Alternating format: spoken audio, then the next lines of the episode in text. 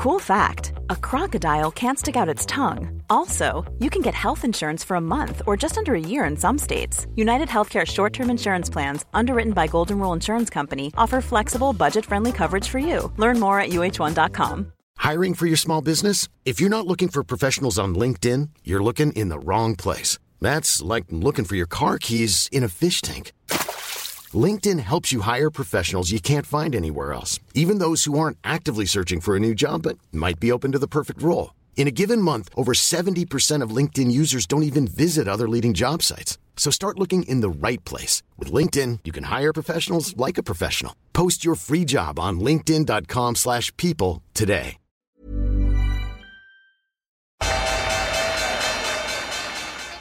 They mistook leverage for genius. Leverage for genius. I would recommend Japan. The governments don't rule the world. Goldman Sachs rules the world. Velkommen til en ny episode av podkasten 'Tid er penger', en podkast med Peter Warren.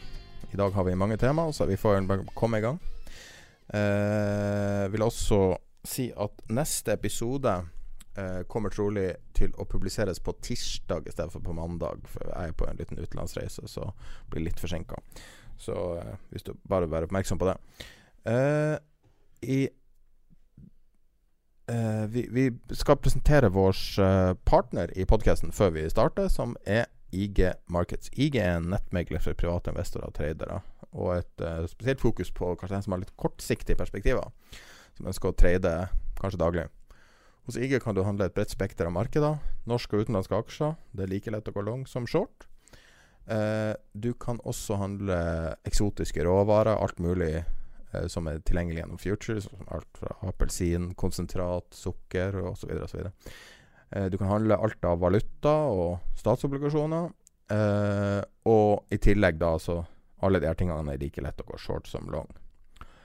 Eh, de siste par episodene så har vi fortalt om et nytt produkt de har som heter Turbo24. Som er et produkt som er en børsnotert warrant, som uh, er ment til å emulere det du kan gjøre gjennom futures uh, uten å måtte være registrert som, med en futures broker. Og det er også et produkt som kan handles døgnet rundt hele uka, altså ukedagene de fem dagene i uka. Eh, du kan lese mer om det på ig.com-no. Kjenner du til sånne børsnoterte warranter? Ja, altså en, en, Ja og nei. Altså En warrant er jo normalt sett en, en, en opsjon som er utstedt av et selskap. Ja. Istedenfor at, at den er eh, si, utstedt av en børs, da, for å si det på, på den måten. Men det er ikke i dette tilfellet, slik Nei. at jeg forstår. Så det, det handler på en svensk, eh, svensk børs. Men det som er forskjellig, CFD er jo ikke børsnotert. Så det her er liksom en ny, ny avenue for eh, IG. Og en av de tingene som gjør mulig her, er at du kan gire vesentlig mer. Er jo, men du har samme nedsidebeskyttelse som du har med de nye CFD-broker-reglene. Men uansett, du kan lese mer om det på ig.com-no. Så kan jeg også annonsere at vi har lansert ei ny hjemmeside som er vår alfautgave av eh, det som eh, kommer til å bli si, hjemmet til Tid er penger. Så hvis du går på tiderpenger.com, så kan du eh, chatte med andre, andre lyttere. Der er det, vi bruker den eh, tjenesten som heter Discord. Så hvis du vil ha det rett på mobilen, så kan du laste ned Discord-appen og registrere deg der. Eh, eller du kan gjøre det rett på hjemmesida. Du har også tilgang på eh, nyheter. Vi har laga en, eh, en litt sånn nyhetsfeed som i praksis gir den samme, det samme nyhetsbildet som du ville ha fått f.eks. med en Bloomberg-terminal. Eh, så der du, du vet hva som er viktig. Akkurat nå så ser vi at, eh, at den argentinske femårige CDS-en eh, er opp betydelig. Eh, litt nyheter om Saudi, og i praksis alt du trenger å vite, står der. Så kan du også følge markedet. Vi har fremheva en rekke både, både indekser og um, aksjer som, som kan være verdt å følge med, og så kan du da følge valutamarkedet i tillegg. Så dette er vår første utgave av hjemmesida. Selvfølgelig kan du også lese indirekte lese bloggen til Peter og følge podkast-episodene der. Så dette er vår alfautgave av hjemmesida. Hva du syns uh, så langt? Jo, bra start. Bra start. Uh, Det er jo fint om vi får uh, Jeg tenker vi får den Det vet jeg ikke om det lar seg gjøre, for den Facebook-gruppen uh, innpå der også. Ja. Um, Facebook-siden. Fordi jeg tenker at der er det jo veldig ofte at uh, spørsmål som, som, som trenger litt mer altså omfattende svar, ja. um, at, at, de kommer på den siden. Og samtidig, hvis jeg kan få lov, så oppfordre da de som spør, fordi hver, hver eneste uke så spør en rekke uh, av dere om forskjellige ting innenfor finans. Og dere gjør det gjennom alle disse plattformene som er, altså e-mail, Messenger og alt og, og, og slikt. Og det, jeg forstår det når noe er av veldig sånn spesiell natur uh, som man ikke ønsker å dele, men de aller fleste spør om temaer som har interesse for flere. Og Det er derfor jeg også oppfordrer dere, når jeg svarer dere direkte, til å poste de spørsmålene på Facebook-gruppen.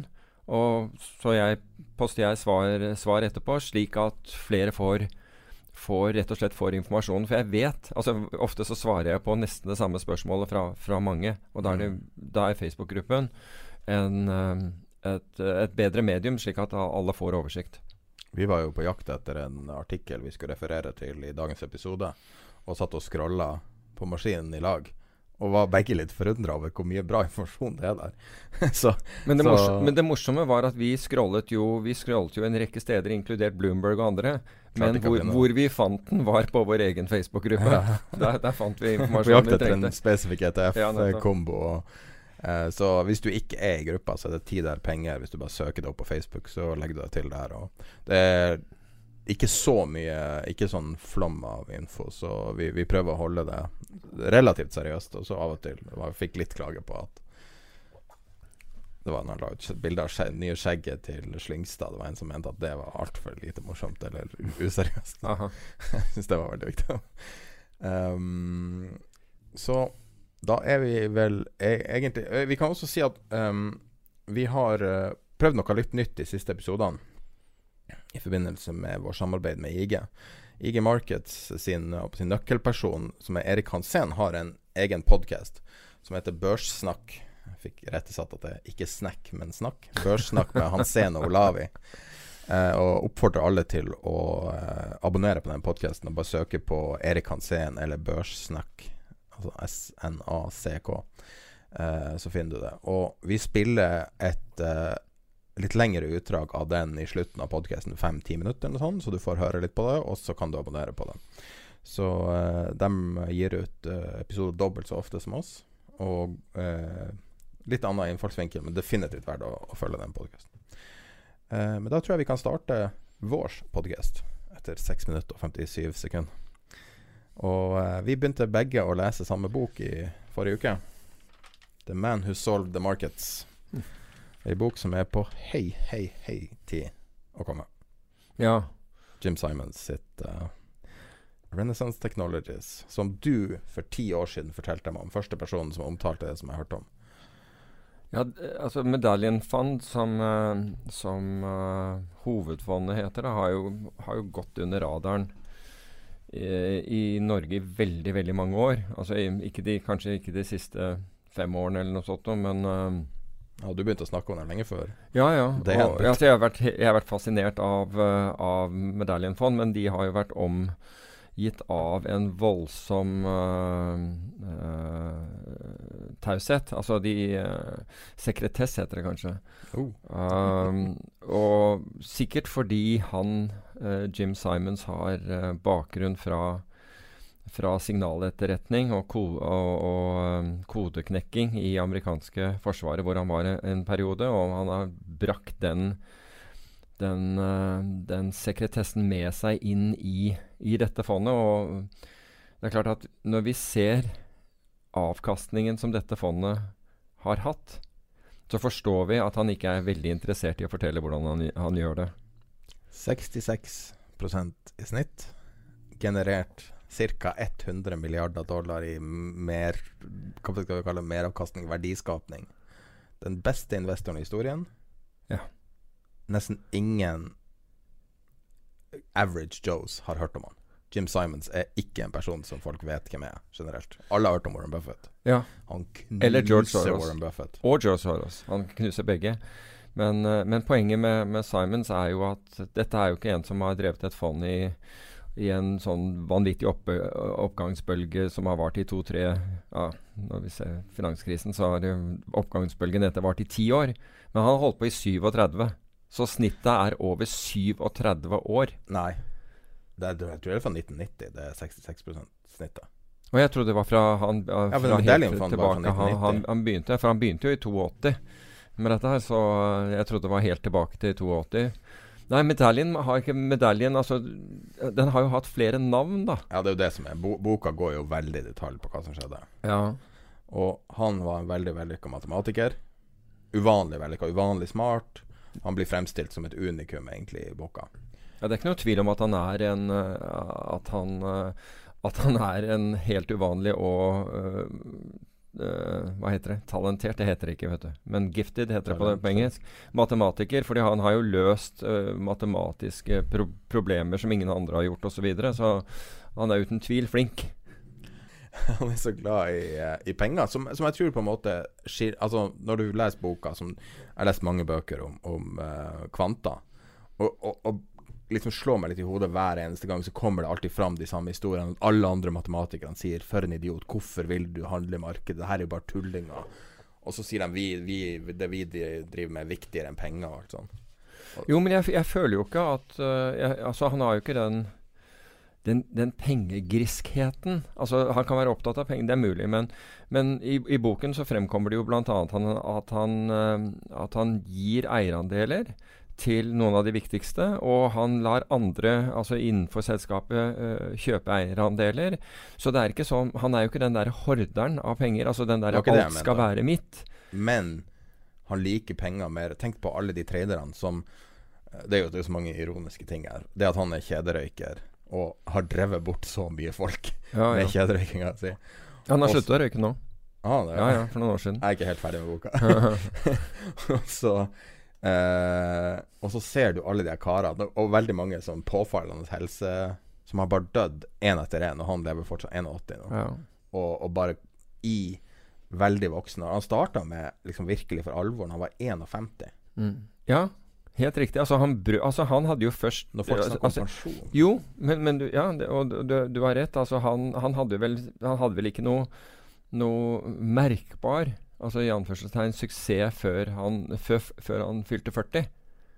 Ja, Så- utenom matten. Matte, ja, han var professor. Ja, men han, men han jobbet og jobbet og jobbet. Liksom, og, og, og hva, er det som, hva er det som kjennetegner han? Jo, eller kjennetegner medaljen Altså, Vi får jo en innsikt i medaljens tenking. Vi får jo selvfølgelig ikke vite Altså, vi får vite mer enn det egentlig. Altså, Jeg har stort sett visst hva de har gjort, men det, altså, jeg syns jo det er interessant fordi problemstillinger som jeg tenker på nå, og, og, og tenker at å, kanskje jeg skulle gjøre sånn, kanskje jeg skulle dele opp data sånn. Når jeg leser boken, så, Går i 91. ja, så, så, så oppdager jeg at liksom jeg er eh, jeg er 20 og 30 år sein liksom, i, i den tenkingen. Men det interessante er at allikevel at det er ikke mange som har gjort det de har gjort. Det fins jo altså jo de type David Shaw som var der. Altså de Shaw-fondene som var forut for ham. Og Two Sigma som har kommet etter. Altså som, som er veldig kvantitative fond på, på, på samme måte. Ikke levert samme type avkastning. Men, men det, er, det er interessant å se altså, hvor, hvor mye tid som har vært brukt til tenking. Og når det, når det gjelder Simon, så for det første så, så startet jo han som investor og trader. Og så gikk han over til da at dette må kunne gjøres på en bedre måte, altså ta ut den, den menneskelige faktoren og gjøre på en bedre måte.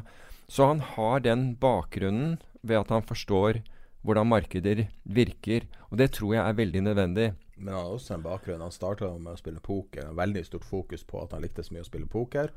Og veldig mange av dem hadde ganske røffe pokergame blant folk med ikke så høy lønn i ak akademia. Ja. Ganske uvanlig at akademia altså, Så jeg tror han det var der mye av det yngla opp. Og så gjorde han jo noen investeringer ganske tidlig som på en måte finansierte mye av den oppstarten. Han var jo tidlig investor i et sånn uh, gulvselskap som tok mange år å, Mm. å manifestere seg. Sånt. Han var jo en forretningsmann i aller høyeste grad. Det som overraska meg mest med boka, var hvor mye forretningsmann han egentlig var. Og at han var forretningsmann som tiltrakk seg matematikere, og klarte å holde tradinga i gang. Mm. På tross av at han, han gjorde veldig mange ting som tradere var uenige med. Veldig mange tradere sleit med å jobbe med han. Så han gikk jo for, gjennom, kjørna jo gjennom mange hva på å si, Men har og avdelinger. Og, Ja, men han har, han har jo churnet kjørnet eh, matematikere også, og, Ja. og ulike former for, for vitenskapsmenn. uh, kvinner, eller hva, hva, hva heter det i dag? Mm. Vitenskapsfolk heter det kanskje i dag. Um, men det er interessant å se Altså, en av de tingene Og det, det slår meg at Norge er litt, på, på, på den andre enden av, den, av skalaen, hvor det er Altså, han Suksessen her er helt opplagt, og det sier han jo selv, er at de endrer hele tiden, er i bevegelse. Modeller som, eh, modeller som virker i dag, de jobber for å, å komme med nye ideer hele tiden. Fordi de modellene som, som de tjente penger på, på for to år siden, er, eller fem år siden, er ikke i bruk engang i dag. Nei. Så det er hele tiden utvikling. De er tester signalet. De, de legger inn et nytt signal, og så måler de effekten av det signalet ned på, på liksom Altså for, over uh, kostnader. Og Ja. så kan de se er det signalet nett positivt. Ja. Beholder de det. Og, ja. Som, som vitenskap, liksom. Altså som Men de, begyn, virus de begynte jo i, i råvaremarkedene. Ja. Det var der de, de, de satte opp først. Og så fant de ut, etter hvert som de fikk suksess, at guess what? Folk begynte å kopiere dem. Og det gjaldt meglerhusene som de handlet med, bankene de handlet med, begynte å kopiere. Så de stjal rett og slett deres intellektuelle kapital. Og begynte å gjøre akkurat som det skjedde med Long Term Capital Management for øvrig. Der gjorde også bankene det, det samme. Bankene ville gjerne gjøre business med dem, men det var mest av alt for å kunne finne ut hva er det disse gjorde, og hvor, hvordan er det tjener de penger, og så kopierte de det selv. Og, det gjorde, og her har jo Simons vært veldig på vakt. Nemlig at han har delt opp slik at det ikke skal Nettopp med det, for han hadde vel den, den, øh, den bakgrunnen fra etterretning at her skal ikke andre kunne se hva jeg gjør, så jeg må dele opp slik at de ikke kan følge meg. Men f.eks. nevner han et tilfelle i canadiske dollar. Hvor, hvor han blir rett og slett De blir spionert på altså i, i den pitten, og de andre skynder seg. altså Med en gang de ser et håndsignal fra, fra han som får ordre fra, fra medaljen, så hopper de foran. Jeg tror faktisk det var enda mer organisert. Det var tre marketmakere i canadiske dollar Ja. som delte alle kjøps- og salgsordrer og frontrunna alle tradene. Og det var noe alle visste, men siden de var noviser, matematikere og nerder, så hadde de aldri hørt om det her greiene. Så må de også måtte si du, du må ikke Og da bare fjerna de Men det var noen pitter som var sånn. Altså, oljepitten var absolutt sånn. 100% sånn. Det var Altså, du fikk aldri Altså, hvis du hadde en kjøper på, la oss si 60 dollar og 15 cent i, i olje, og du lå der, og du hadde gitt den ordren, du hadde kanskje gitt den ordren dagen før, så kunne du se at 60 dollar og 15 cent den ville handle og handle og handle og handle på det nivået. Mm. Men du fikk aldri Du fikk aldri kjøpt olje til 60 dollar og 15 cent med mindre kursen falt under. Ville ikke skje. Og pitten var Altså, de som sto der, de bare stjal det der fra deg, for det var gratis penger for dem. Så Så samme var det i gull også. Men du nevner Norge, og uten å navngi hvordan fond det er snakk om, så har det jo vært noen nye fond som har blitt lansert de siste årene, Ja, men, ja, ja og, som viser at selv nye fond følger metoder som som, som er det vi leser i tidlig i denne boka, som er historisk bok. Ja. 70-80-tallet. Ja. Og så ser du forvaltning som i Norge fortsatt er ansett for å være relativt cutting edge, nok til å lansere et nye selskaper. Og så ser du jo nå de her folkene som er da beviselig de beste i historien. De er ubestridelig nummer én. Og jevnt over nummer én. Og likevel så Så bryr man seg ikke. Nei, og, og det finnes Jeg skal ikke nevne ne- fondet med navn, men, men det er som du sier, et relativt, relativt nytt fond.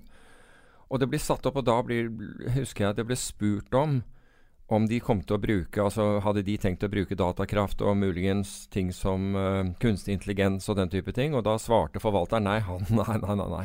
Her, gikk det kun på, det kun på mavefølelse. Jeg tror, jeg tror det spesifikt kalte det altså, sånn roboter og eksplisitt da. Ja, det er mulig. Som, som, en veldig negativ ting. Nei, nei, nei. Men det fondet er nesten 25% svakere enn indeksen som, som, som, det fondet, som det fondet måler seg mot. Nesten 25 svakere. Og så leste jeg nå ikke lenge siden at de hadde gjort en, uh, en uh, sånn tilfredshetsundersøkelse blant sine investorer, og, det, og, de var kjempetilfreds. Men la oss gå tilbake til, til sånn, Jim Simon. Go figure.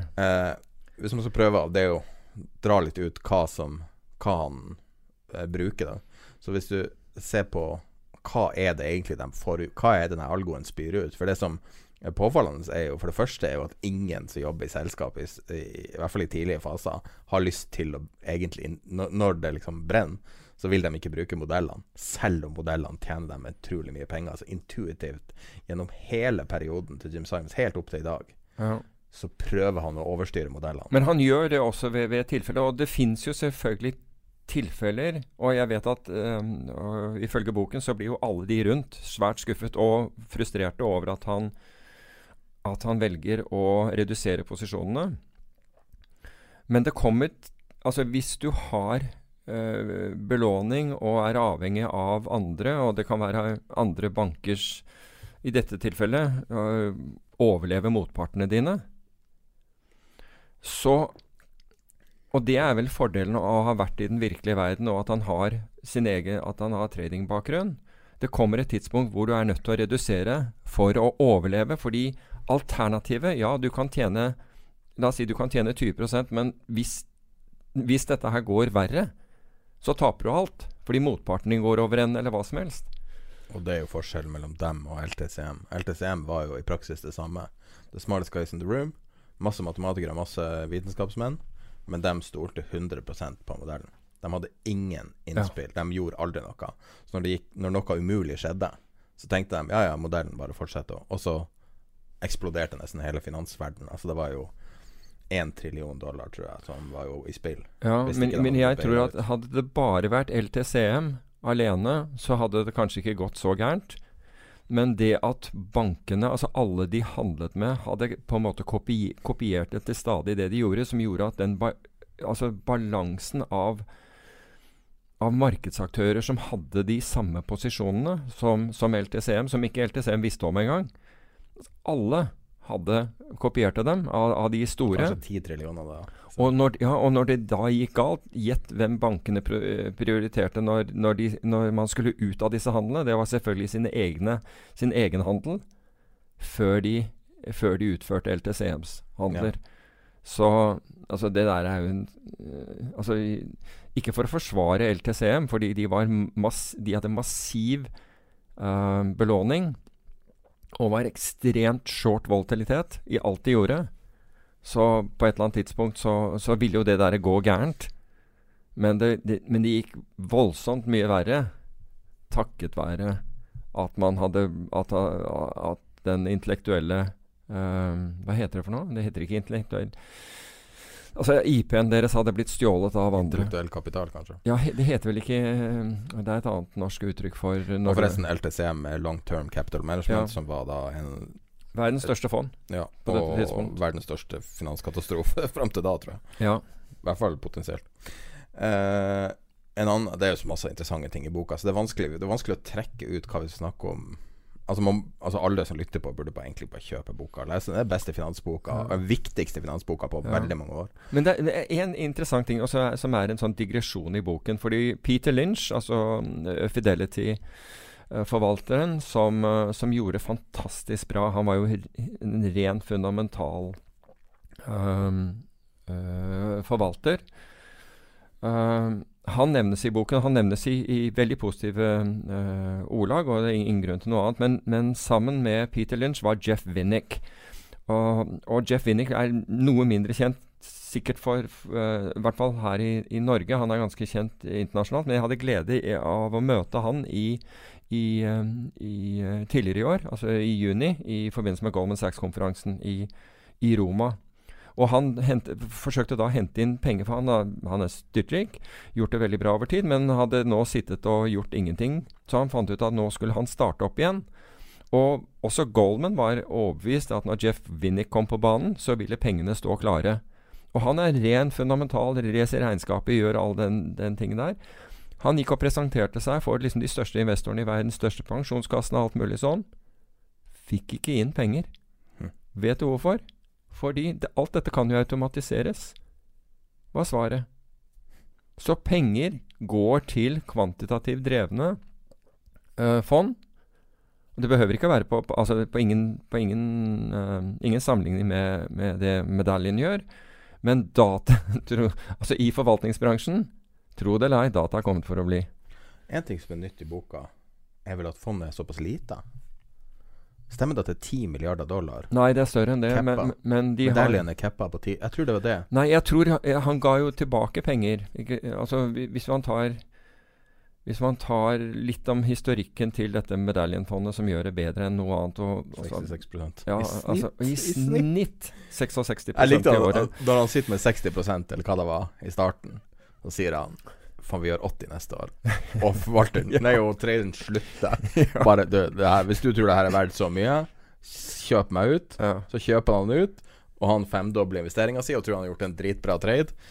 Og Jim Simons tjener vel omtrent 20 milliarder dollar etter den. Ja, det er, det er, det er, det er en fantastisk Det er en fantastisk greie. Men, men, det han ser Altså, de gjør jo forskjellige tiltak. Det ene tiltaket det er at man, man finner ut at vi blir uh, vi blir lurt i, den, i, i future jeg håper å si, Når vi handler futures. Det er stor sjanse for at vi blir lurt. Det større vi, vi ser nå at, at vi blir stadig frontrunnet.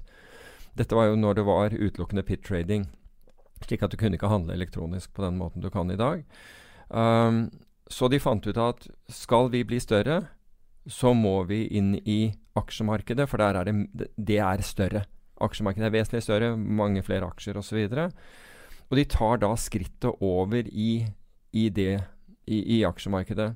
Så sånn tillates da fondet å bli større, men så ser de etter hvert at det er jo to ting som skjer. Det ene er at man begynner å stille spørsmål. Altså de på utsiden begynner å spille, stille spørsmål.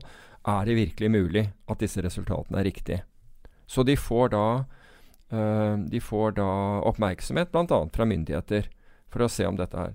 Men Simon svarer jo da de som de investorene som sier du, nå er vi litt redde for dette her, sier at dere kan få tilbake pengene. Ikke bare kan dere, her er, har du pengene dine tilbake. så de, får, de, blir fullt betalt umiddelbart, og så er de ute. Og Så fortsetter dette her, og, men ryktene fortsetter å gå.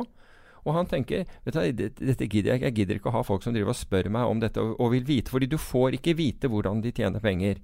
Det er hele poenget hans. Du får ikke vite, uansett hvor stor investor du er i fondet, så er han ikke villig til å dele um, koden hvordan, og, og hvordan de, de, gjør det de gjør. Og det, det, jeg mener, er, man kan jo logisk um, tenke seg at investorer, og spesielt hvis du, hvis du er et stort pensjonsfond Du er jo litt engstelig, for det er jo uh, pensjonistenes penger.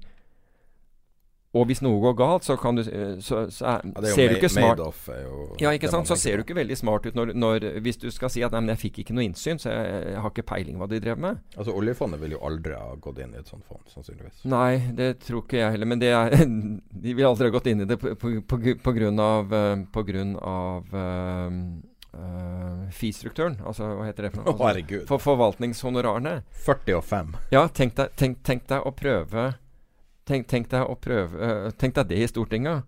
Hvor mye betaler vi for denne forvaltningen? Vi betaler 5% årlig, og 44% av fortjenesten går til fondet. Al ikke sant? Og det, ingen ville tillatt dette. Ingen ville tillatt det i Norge. Det, nei, det, det, spiller ingen rolle hvor mye penger Norge hadde tjent, men det hadde ikke gått gjennom noe storting. Altså, det kan jeg love deg. Men i hvert fall, så man kan forstå da disse pensjonskassene og andre. og etter hvert, Men poenget var at Simons klarer egentlig ikke å få ut fort nok disse. Så alle som da ytrer noe som helst om at nei, vi er engstelige, vi, vi, vi, vurderer å, å, å innløse og, og få, få, pengene våre tilbake, de fikk pengene så fort tilbake at liksom, de klarte nesten ikke å, å fullføre setningen. Men så etter hvert så kjøper de faktisk ut alle investorene. Fordi, nettopp fordi det du sa, det, en, det vil være en begrenset størrelse. Og, og i dag så er medaljenfondet kun de ansatte. Kun partnerne og de ansatte i, i, i selskapet. Og de gjør det helt utrolig bra. Men jeg, jeg, jeg har ikke lest boka ferdig. Men jeg så et intervju med forfatteren. Og der sa han 10 milliarder dollar. At det var cappa på det. Jeg og de betaler ut hele tida for å holde størrelsen Det er der. helt riktig. De betaler ut årlig. Eh, De betaler ut årlig. Så, men det har jo vært eh, eh, to, Ved to tilfeller så, så har det vært snakk om å selge. Og det ene, altså å selge deler av, av ja, Renaissance og medaljefondet. Og den første var Payne Webber, altså investeringsbanken Payne Webber, som senere ble til uh, eh, UBS, altså Union Bank of Switzerland, som kom inn. Og de hadde samtaler med dem. Men under disse samtalene Altså til tross de har, Husk på Renaissance har avkastning som ingen andre klarer. Det viste seg at det var ikke det investeringsbanken var, var, var ute etter. De var egentlig bare ute etter kundelisten. De hadde tenkt å legge ned fondet og, selge dyre produkter på kundene isteden. Det, det var motivasjonen deres. Så når, når eh, Renaissance og Simons og disse skjønner dette her, så er det bare Da kutter de hele greia. Så de var ikke interessert i, i dette. Og det andre tilfellet det skjer da i 2007 eller 2008. Og det er Qatar som er interessert i å ta en andel av fondet. Men så skjer finanskrisen, og til tross for Så, så Qatar eh, trekker seg. Altså Da er jo disse gutta i Qatar for å gjøre dealen. Da trekker eh, Qatar seg. Og jeg mener at i 2008 så tjener, så tjener medaljonfondet tror jeg 89% eller noe sånt nå. Nei, men går an? Altså, det- det går an å gjøre en dårligere beslutning? Ja, men det hadde ikke gått med andre eiere. Det er det som er hele poenget. At hadde, hadde, men hadde hadde, hadde Blockbuster kjøpt Netflix, så de hadde sjansen til en gang i tida Så det er ikke sånn at Blockbuster hadde klart å forvalte det. De hadde feil mindset. Ikke? Så jeg kan ikke forestille meg at en annen eier Hele, liksom hele selskapet er jo på en måte person. Det er jo Jim Simon som Altså Uten han så har det jo Altså Greit at man har algoen, men det er jo det mindsettet hans som er helt uvanlig. Ja. Og det at han er, han er så voksen når han starter. For vanligvis så er det jo her en sånn testosterondrevet, eh, helt ekstrem sånn, sånn, hyp, sånn, sånn hyperbransje, på en måte, der alle er i sånn eh, full Petter Stordalen-modus hele tida. Liksom. Jo, men det er jo ofte sånn i, Ja. i store, aggressive fond. Mens jeg har inntrykk av at han er jo litt sånn sånn laid-back type som har på seg sånn her eh, sånn tjukk ullgenser og Ja, men, men han går til da alle disse investorene han går til når han skal Altså når fondet Altså de har jo drevet en stund når, når de prøver å få inn penger. Og de er da hos alle de store pensjonskassene og alle de Altså til og med Donald Sussman er, er nevnt der. Hvor, som har da øhm, Som har da sidet flere av de store øhm, store hedgefondene. Og de får nei fra alle. A Commodities Corporation, som sidet Bruce Covner og, og, og Hva er det Paul Tudor Jones. De takker også nei til å, til å være med på, på, på Renaissance. Så det er jo han, Men altså, han feiler gang og gang, gang på gang på gang. Mm. Men, til en viss grad. Han har ingen full on failure. men, men jeg, hva sier du? Han har ingen enorme failures. Nei, nei, altså han feiler altså, å få, Nei, men han møter motstand altså, når det gjelder investorer om og om igjen. Og jeg Jo, men han var- feiler på mange ting i livet, ikke bare i bygging. Altså, han, han feiler sånn halvveis i trading og flakser seg ut av sin første trade to uker før en kollaps og, og sånne ting. Ja, men han, altså, han er ikke dårlig på det der, men du kan si at han møter motgang og motgang og motgang. Og jeg tror det Og det slo meg da at, Var det Churchill som, som sa at the, the definition of success is the willingness to move from failure to failure with no loss of enthusiasm. Jo, men det er altså fantastisk sagt. Fantastisk sagt, det at du liksom du bare fortsetter. Du, du fortsetter. Det er Altså, jeg bare lærer. Det er ikke Dette er ikke noe nederlag. Men det som er spesielt med denne boka, som eh, jeg, jeg kunne tenkt meg eh, Nå husker jeg ikke hvem tredje var, så det er jo ganske dårlig anekdote, men eh, Hitler, Stalin og én til fra historien. Jeg husker ikke hvem tredje var. Om det var det var en til sånn stor historisk figur. Bodde alle i samme byen. Jeg tror det var i, i Wien, når de var 17 år eller noe. Helt okay. tilfeldig. Det var et par måneder. Aha. Tre sånne store karakterer. Og så hadde jeg alltid sånn idé om at jeg kunne tenke meg å skrive en sånn hypotetisk bok om det. Hvordan Fordi at da var de jo unge og naive og Mm. bare vanlige ungdommer med vanlige problemer. Og blir despoter på hver sin side med liksom millioner liv tapt. På dem. Men på et eller annet tidspunkt var jo de unge og naive.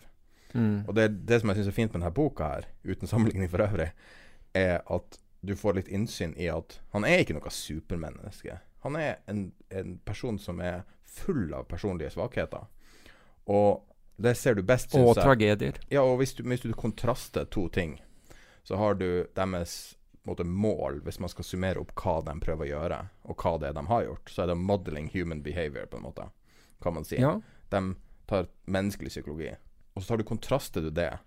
Det er det som Altså, jeg vil bare si 60, 66 snittavkastning er nettopp fis, altså det er etter de Ja. vanvittige kostnadene. ja. Bare helt sykt. Men uansett. Og hvis du tar modeling human behavior som er et sånn stort mål som alle på en måte har visst om dem, og man har snakka om han som er liksom sånn semigud som bare vet alt som skal skje. Men i fjor vinter, i desember i fjor, jeg tror det var lille julaften, så ringte han sitt personlige family office. Uh, en jobb som er ganske utrolig. At, at det er Mm. noen som, noen som forvalter hans penger. Og så sier han Skal vi kjøpe noe beskyttelse her? Jeg begynner å bli nervøs. Det var jo da vi hadde den børsnedturen. Mm. Og så sier hans liksom, rådgiver Nei, nei, ta det rolig. og dagen etterpå bunner det ut. På, det på Mm. julaften. Og det som er så interessant, er at han er da 80 år gammel. Han har vært den mest vellykka investoren i verdenshistorien. Han har en personlig formue på 22 milliarder. Han har klart, Dollar. han har klart å Han har klart å knekke koden for markedet. Og alt det til tross, så klarer han ikke å deale med en nedtur. Ja. Men det, det, det er jo den menneskelige psyken, ikke sant? Og, og det er jo det som som det ofte handler om. Men når du sier han har, har knekket koden, så er det jo viktig å forstå at at han knekker jo koden Altså han jobber for å knekke koden kontinuerlig. Altså nå, nå sitter han jo ikke som administrerende direktør i, der lenger, så vidt jeg vet. Han er sikkert senior partner eller noe sånt, men det, det rønnes jo av andre i dag. Han er 81 år. stakkar. Ja ja, men, eh, men eh, det, Altså, han Det begynte jo med eh, som, som du sier, det er, det er menneskelig psykologi. Og det begynte jo med at han analys... ja, ja, det begynte jo med trendfølging. Sånn var det det opprinnelig startet. Modeller som ville avsløre trender tidlig, og som ville vise deg hvilken vei eh, børstrenden var. Og at man da automatisk ville, ville, ville kjøpe når forhåpentlig det var lavt, og, og selge når det var høyt. Så viste det seg at det var utilstrekkelig. Det var vanskelig å gjøre. Mm. Og så gikk man gradvis over til det som kalles mean reversion. Altså med andre ord, man ser på når man mener noe har gått for langt, en, enten til oppsiden eller til nedsiden, um, og at det skal korrigeres tilbake til et eller annet form for gjennomsnitt. Og der, der finnes det jo mange statistiske modeller som, som kan benyttes på det. Så hele, eh, hele tiden så har det endret seg. Så viste det at det var mye mer lønnsomt. Men det, det, den har jo svakheter, den, den, eh, den type trading også. Nemlig at du er, du er short i tilfelle det kommer virkelig store bevegelser. For du tror at nå skal vi komme tilbake til et gjennomsnitt. Så endret han men, men, eh, men forskningen fortsatte, og man endret da eh, tidshorisonten på investeringene sine. Så den ble kortere. Mot Wall Streets beste viten, og at man må aldri være kortsiktig, for det er for dyrt. Ja, fordi det er for dyrt. Men han, samtidig så, så viser det seg at hvem er det som taper når, når medaljen, altså når Renaissance, vinner? De studerte jo til og med det. Og det viste seg at det, de som sitter på den andre siden av handelen hans, er ikke typisk pensjonskasser, øh, langsiktige investorer, som man kunne tro at, at man forsøkte på en måte å snappe opp hva de gjør. Men det er mer kortsiktige investorer. Overconfident dentist. ja. Forsiktig, jeg skal til tannlegen denne uken. Um, men, men, helt riktig, så, så, man har studert på en måte alt. Og man har gjort ting hele tiden, så jobber man på å finne signaler. Og når man ikke fant signalene i, i børskursen fordi du kan si at dette her er annet altså, Du hadde teknisk analyse som da det først kom, var det i hvert fall Jeg husker i Norge, det var jo når, når, når vi først begynte med det, eller Dag Fugt gjorde det, så, så, hadde på en måte ikke det noen uh, legitimitet annet enn at Dag var såpass flink at de store pensjonskassene som, uh, som vi hadde som kunder, hørte på ham. Mm.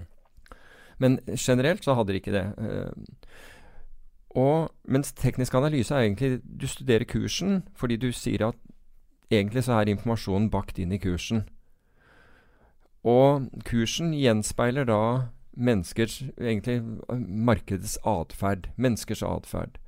Og det er akkurat det som skjer i, i, i dette tilfellet, hvor han studerer atferd, altså atferd da eh, i, i, form av, av kursutvikling.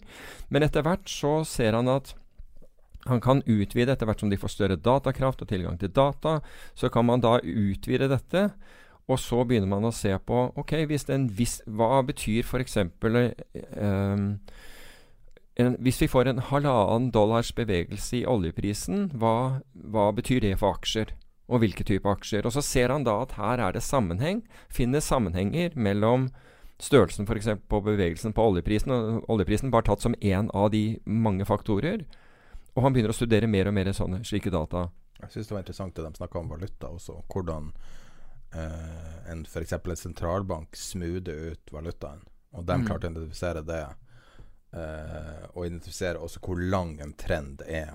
En typisk valutatrend er hvis den er drevet av en sentralbank. Mm. Klarer å identifisere sånne signaler. Ja. Eh, og det var jo et sånt ting Det var jo relativt groundbreaking da de fant det. Absolutt. Men så har han gått videre hele, husk på, hele tiden så er de foroverlent og prøver å finne nye ting.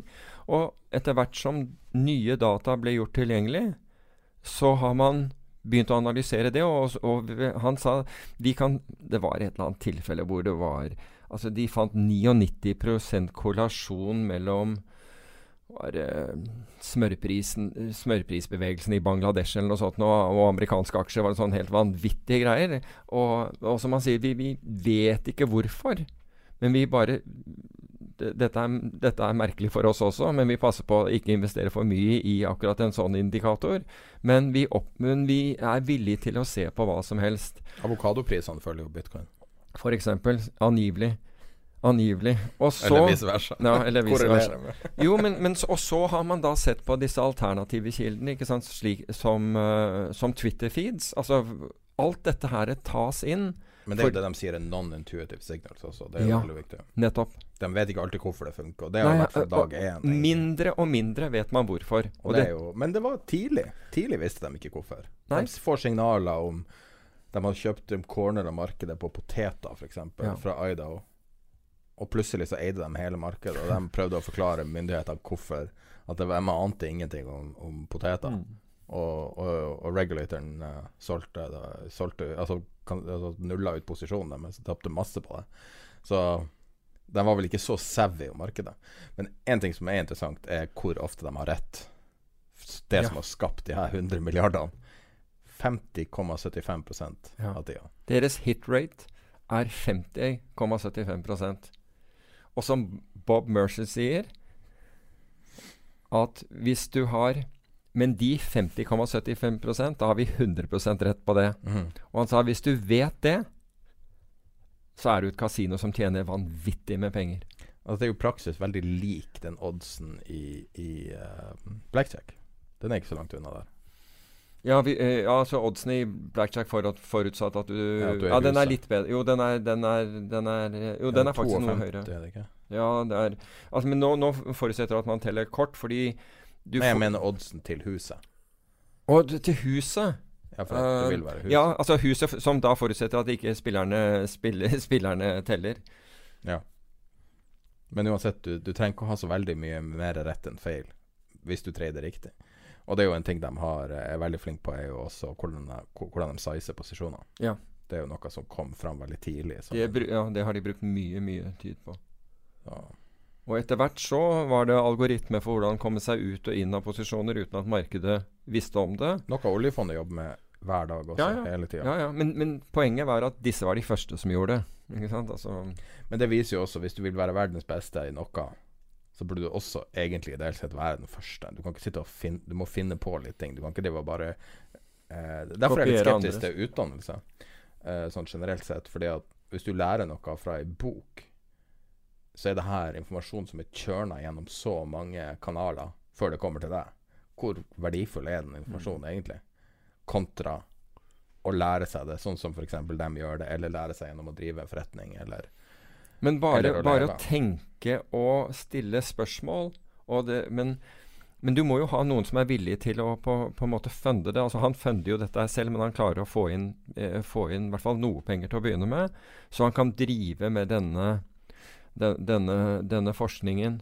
Og det har jo vært problemet. Altså Hvis du ser eh, Nå var det, en, var det Espen Sirnes som var ute i, i Dagens Næringsliv i, på lørdag. eh, oljefondet slutten av forrige han der, eh, han der uh, akademikeren? Ja, ikke sant? Og det skal i hvert fall ikke drive de, jo, jo, men tenk deg, altså der har du et fond som, som har gjort dette her. Og det er klart at det er ikke Det er ikke lett å gjenta det de, de har gjort. Men hvis ikke noen som oljefondet kan bruke okay. penger på forskning og utvikling, Ja. hvem skal da gjøre det?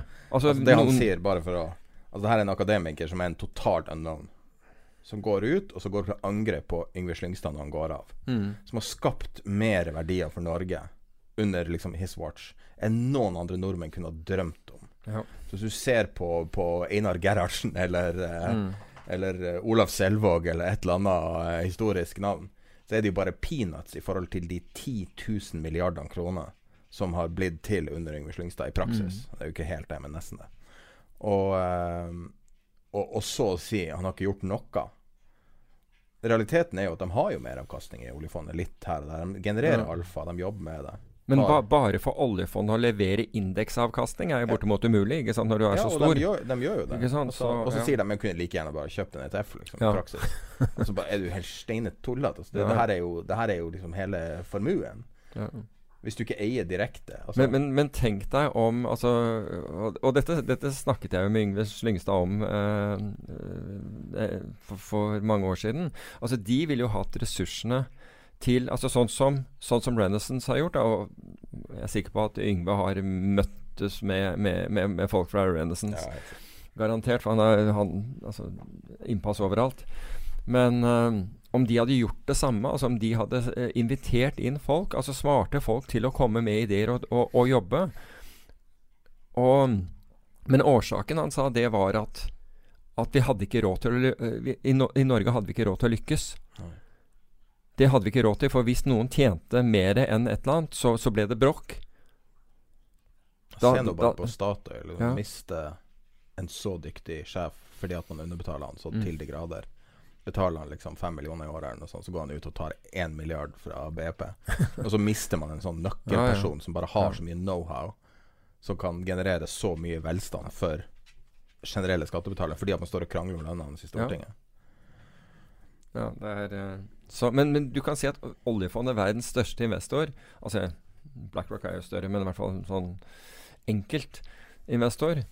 Altså, tenk, deg, altså, tenk deg hva man kunne kanskje skapt i Norge hvis man oppfordret folk til å, til å sette seg sammen, og, og, og de fikk en, en, en lønn og kunne, kunne gjøre denne forskningen. Men du har exit. Ja. Det er det Du har man hva vil for noe? Exit. Det er sånn man vil tro finans er. Og sånn, ja. Akkurat.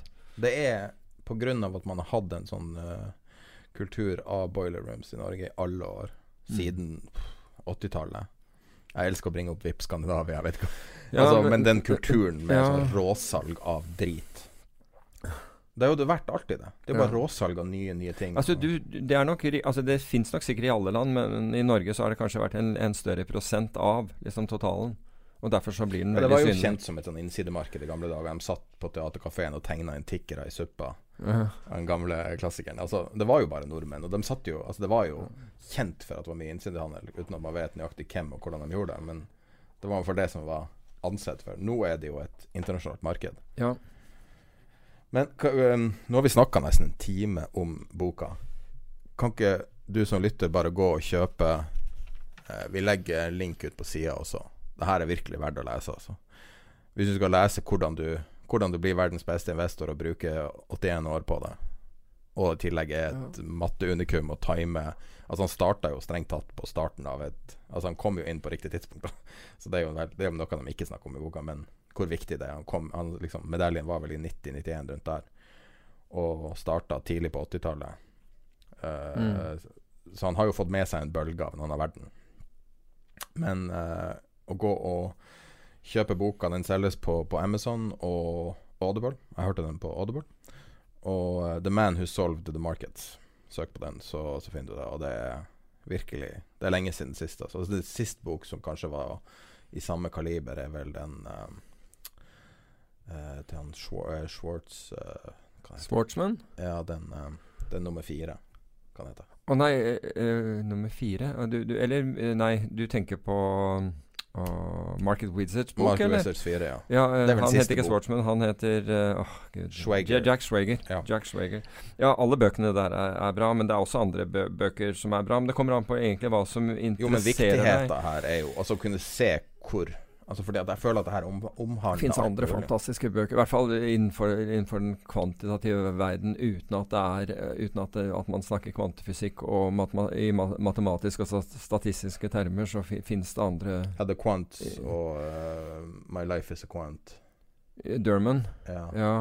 Men det, ja, The Quants, The Quants er uh, Altså, den, den om, omhandler jo veldig mange. Den har jo Boaz Weinstein, Peter Miller Er viktig. Du har, du har uh, Jim Simons in, i den, men den, jeg syns denne boken her gir en Gir egentlig en sånn unik innsikt inn i den verden til Simons. Den verden av hele tiden fornye seg. Altså, som, som vi, vi, trenger å gjøre hele tiden. Forsøke å gjøre ting bedre.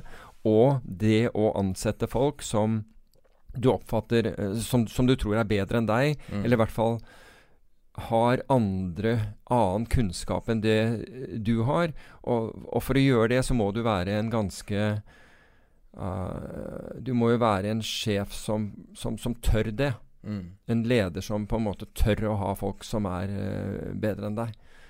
Og det, det, føler jeg skorter veldig mange steder. Da skal sjefen være sjefen. Ferdig med det. Jeg har lyst til å runde av uh, det her temaet med en veldig kort anekdote fra boka.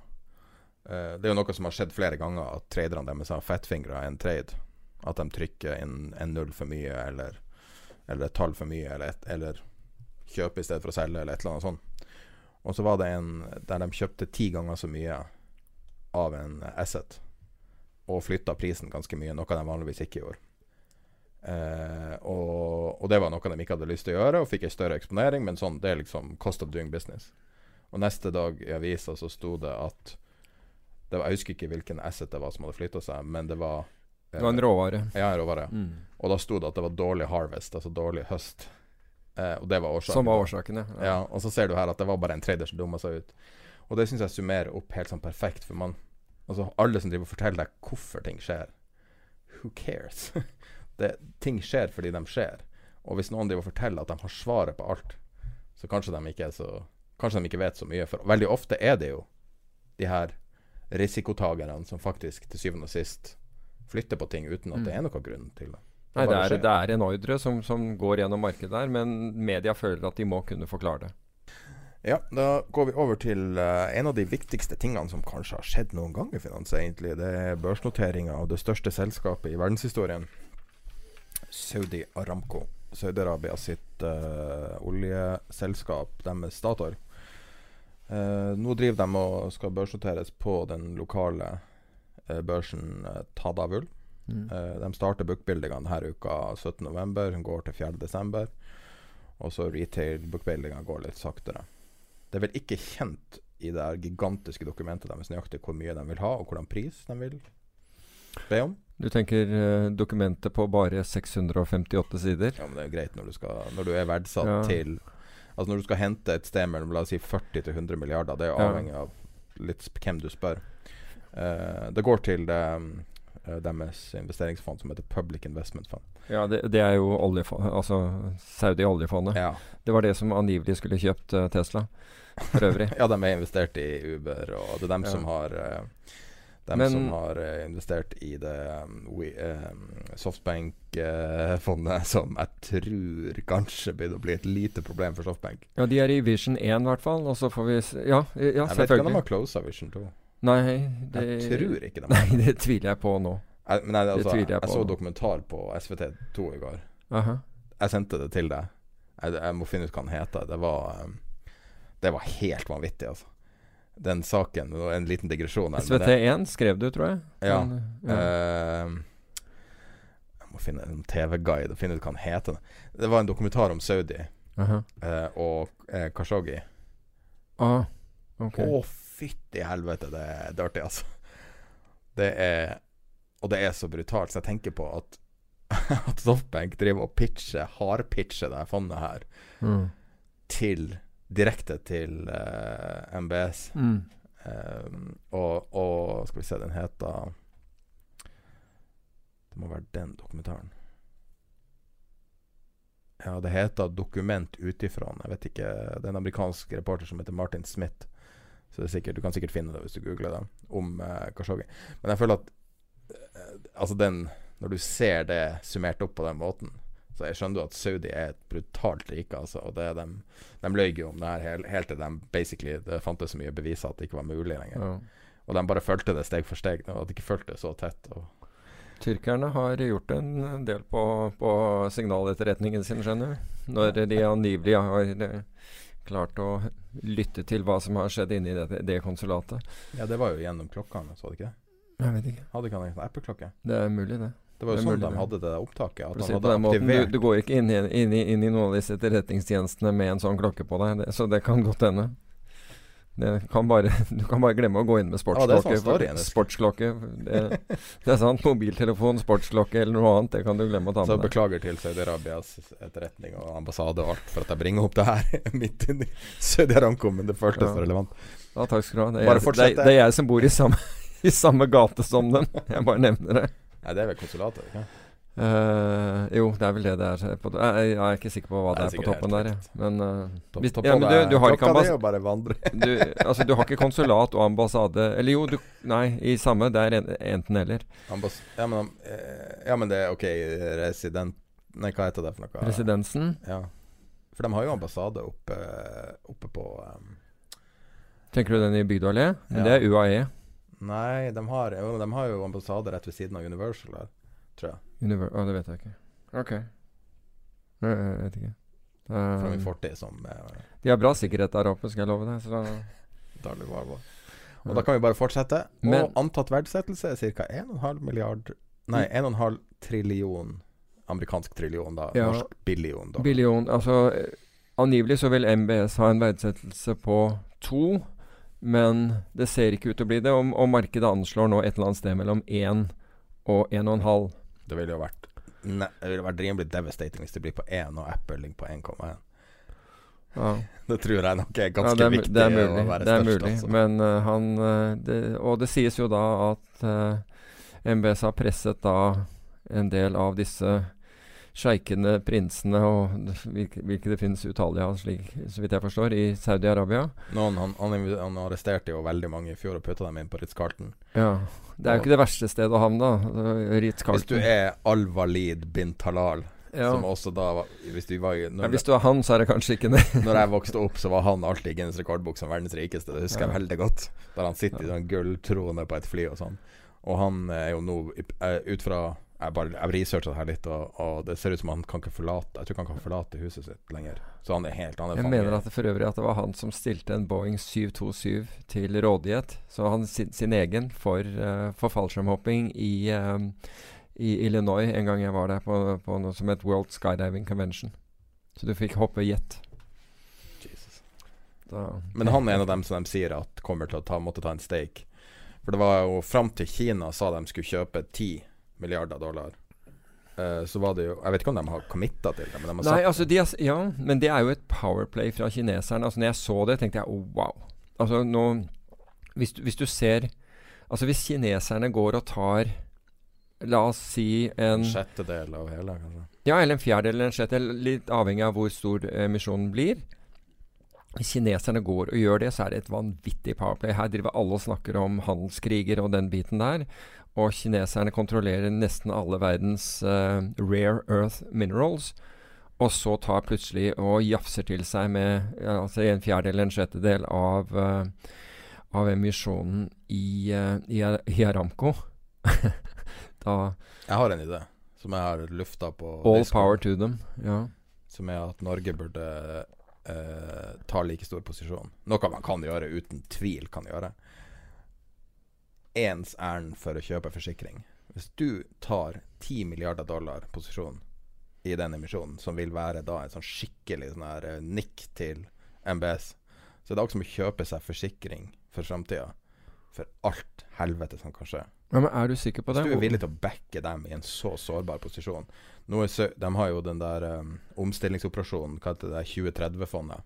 Der de skal i praksis uh, putte solcellepaneler i hele ørkenen, eller Mm, noe i den mm, mm. Og eh, MBS nå har uh, sikra seg en posisjon og, og med relativt brutal, på brutalt vis har blitt eh, like respektert som eh, Hva er det faren hans, eller han Han forrige Mm. Forrige Jeg vet ikke, Sheikh, Sheikh er det der? MBS senior. Eh, han- som har eh, Han har veldig distinkt ansikt. Mm. Eh, men han har veldig, fått en veldig tydelig posisjon og blir et kjent navn. Eh, og har tatt en stor posisjon og, og sitter og Faisal, diskuterer med, med Trump og med Bezos. Og Bezos har jo Mm. veldig nært forhold til han tilsynelatende. Mhm. Men tenk hvis Norge hadde kjøpt Hadde gått inn og gjort det, og bare kjøpt en forsikrings... Ja, men får du Altså, hvis du tenker på det, er det, er det noen forsikring i det? Vi, vi snakker om vi, forhold vi til snakker om hele ja men, ja, men hør her. Hele, he, ja, men hele, emisjonen, hele emisjonen er jo bare noen få prosent. Ja, men det er jo ikke det. Men det er jo symboleffekten. Det er jo det. Okay, Tenk deg hvor mange tanks som sitter oppe på kyst, med Finnmark.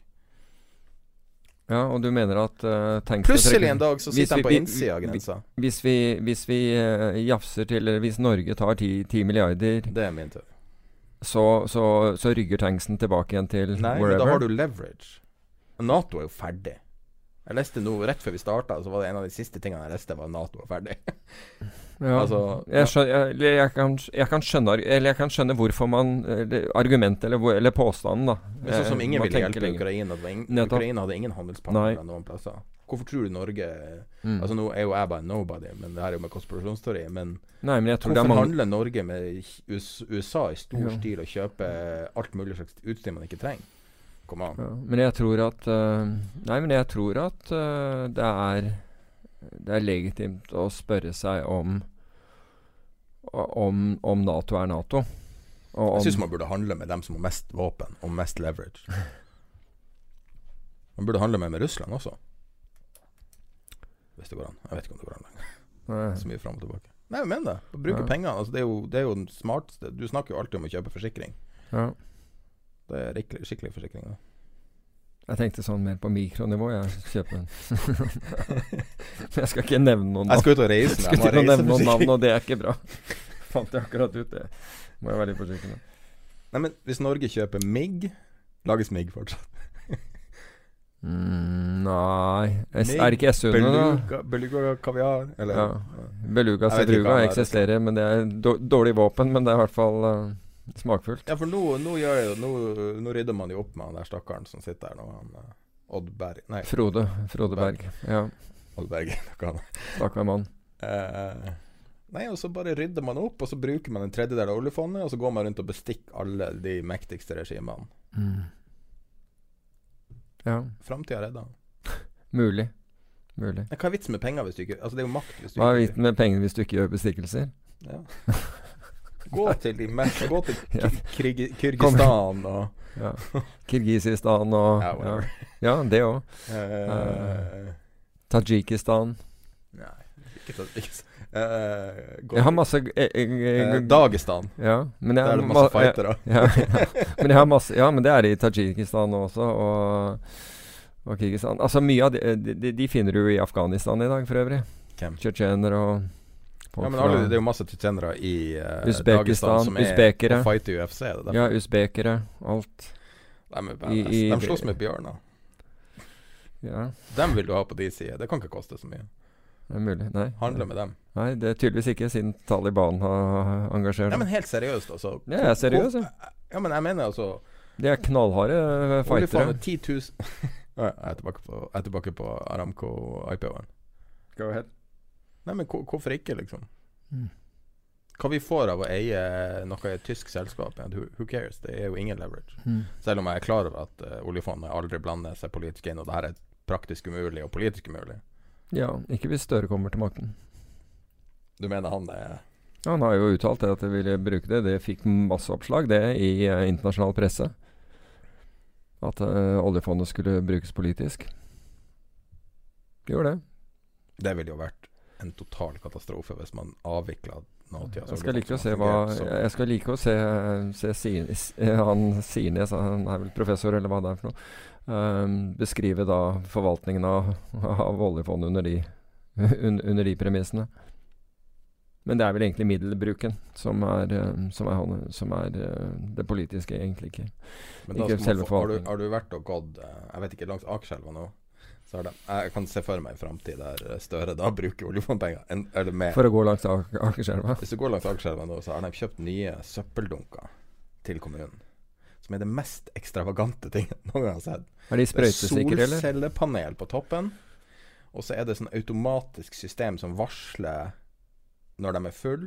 Og så er det det mest robuste Det koster sikkert 15 000 kroner. 20 000 kroner. Det er så robust greie. Wow.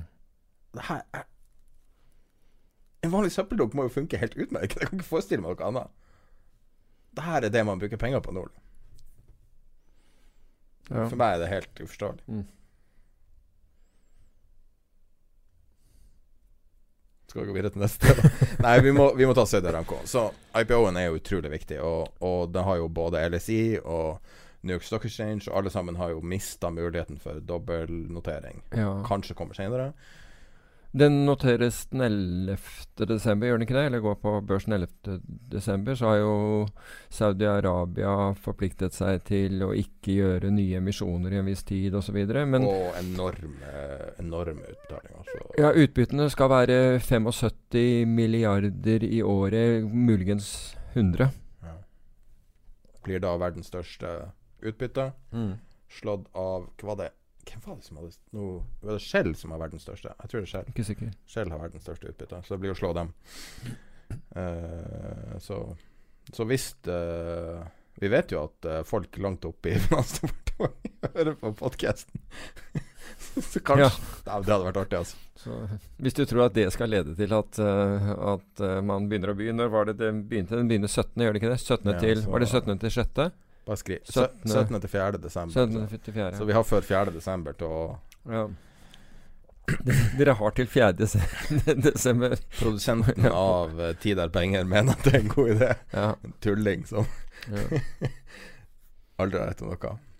Uh, nei, men, men det er jo et interessant tema, og, og det har jo vært eh, Det har jo vært hovedårsaken til det framstøtet som man har hatt de siste la oss si, to årene Men jeg lurer på på hvor den internasjonale scenen, og, Men- og gjort masse politiske Det er jo for å selge de her forferdelige aksjene og få inn noe på cash, og klare å liksom bli mer, mm. mer legitim internasjonalt. Men det, altså det at den blir notert på Tadabul, gjør vel antageligvis at mange ikke har mandat til å tegne seg, vil jeg tro.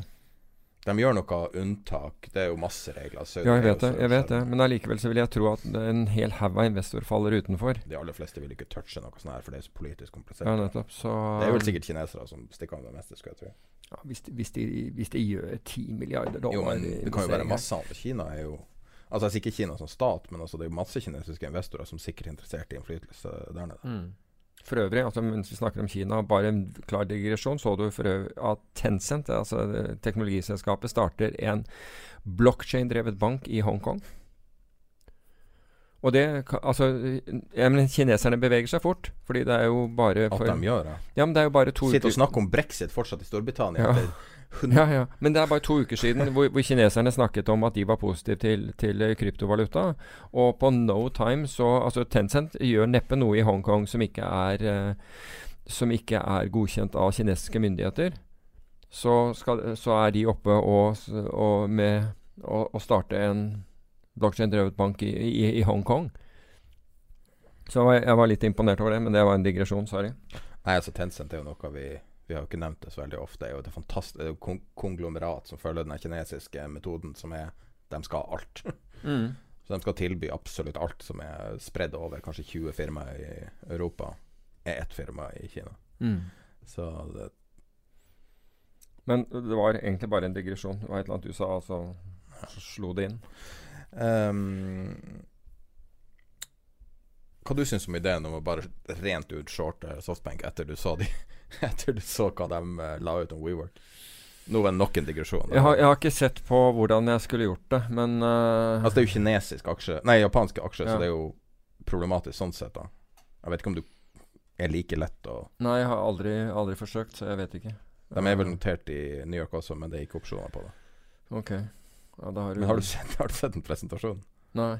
som ble delt eh, Jeg delte den på, eh, på Discorden, og så var det noen som delte den på, på Facebook-gruppa også. Eh, der de har De har et sånt fantastisk begrep som aldri har blitt brukt før. Um, hypotetisk profit. så Ja. de, de tegner opp uh, Jo, men det er jo sånn Det er jo, det er jo som hypotetisk avkastning, det. Altså, ja, Det er helt magisk. Altså, det viser jo hvordan det er omtrent ikke et fond. Altså sånn som uh, Altså fond som opererer med hypotetisk avkastning. Altså I dag hvor du har rene datadrevne fond, kan du gjøre det, men du, du ser jo om og om igjen I hvert fall tidligere så var det når, når du studerte avkastning til fond, så ville du plutselig se at det var en liten sånn stjerne, og så sto det Bortsett fra den siste måneden, så var det andre hypotetisk avkastning. Det, den, den er god. Ja vel. Men det de sier Du har virkelig tjent eh, eh, 32 annualisert i, i ti år, men egentlig så har du Så er den eneste avkastningen din Den er 0,3 siste måned. Ja. Den er den eneste som er reell. Ja, ok. Ok, så her har vi Her har vi eh, rapporten, deres halvårsrapport, Mm. som da uh, Ja, det, det går ikke så veldig bra med Softbank akkurat nå. Eh, og så kommer de da til WeWork, nedi her en plass. Men de lagde noen helt fantastiske grafer. Og det var den hypotetiske utviklinga til EBTA-en. og det var rett opp. Ja, og den hadde gått rett ned. og den har et sånn brudd, sånn skikkelig sånn hockeystick-utvikling. Og de, det står under eh, også vi, her, her kommer vi til grafene. Altså, det er bare hypotetiske faktor, eh, eh, hypotetiske illustrasjoner av faktorer, EBTA, og så, og så bare sier de bare noen ord. Og så, så pil opp, pil ned. og så kommer vi til grafen her hvert øyeblikk. det er helt magisk. Her har vi det. Hy- Hypotetisk illustrasjon av profitability. After improvement. Og så står det under. Det her er hypotet Det er kun illustrasjon. Det er ingen som helst Relevans Relevanse med virkelig, Nei, nei, det har ingenting med virkeligheten å gjøre. Men her er en graf likevel. Er du uh, Er du gross profiten deres? Ingen tids Se på det, Pita. Ingen tids Altså, det står ingenting på tidsaksen. Det står bare time. Ja. Og meget Her har vi det. Det her er den, den beste. ja, ja, Her den, den den har jeg sett. Time jeg sett. to achieve eh, Aim to achieve turnaround. Ja. Og så står det Her er future nå. ja. Så tydeligvis er vi akkurat på Vi er akkurat på på bunn nå. I dag er vi på bunn. Og det som er spørsmålet Det var jo flaks, da. Spørsmålet mitt er Er Softbank fullstendig idioter? Ja. Seriøst? Det her er jo også som en idiot laget. De har bare kjøpt alt til overpris. Jeg syns, jeg syns uh, det blir morsomt å forsvare det overfor dine investorer, hvis du er et pensjonsfond f.eks. Overfor dine investorer som har en kill squad. Ja, nettopp. Så skal du da Så skal du komme og snakke om hypotetisk EBITDA. Ja, jeg, jeg, jeg, jeg trodde jeg kjøpte her, for her, her sto det at det var bunn. Har du sett eh, når, eh, når Hva heter han Hva heter han softbank-CEO-en? Uh, Jeg husker ikke Sand det. et Jeg, jeg, ja. Eh, når han var i eh, Når han var i Saudi i år, på den konferansen så skulle Og var holde- han på, på. Davos in the des- desert? Ja, Akkurat. og så skulle han holde et innlegg der. Eh, så var han i et panel der Ja, han hvor det- hvor det- sovna på scenen. Ja, men det var jo ikke noen i salen heller. Det var ingen i Ja, salen. men det er ikke så farlig. Han satt Det fins en video av at han sovner på scenen. Det er helt vanvittig. Ja, men da har du narkoepilepsi, vet du. Nei, han er jo helt utslitt. Han er jo helt knust av de greiene. Ja. Tenk deg hvor han er jo så gira også. Altså, det fond, altså Softbank uh, er jo praksis bygd på den investeringa i Alibaba, som er den best, kanskje den beste enkeltinvesteringa i historien.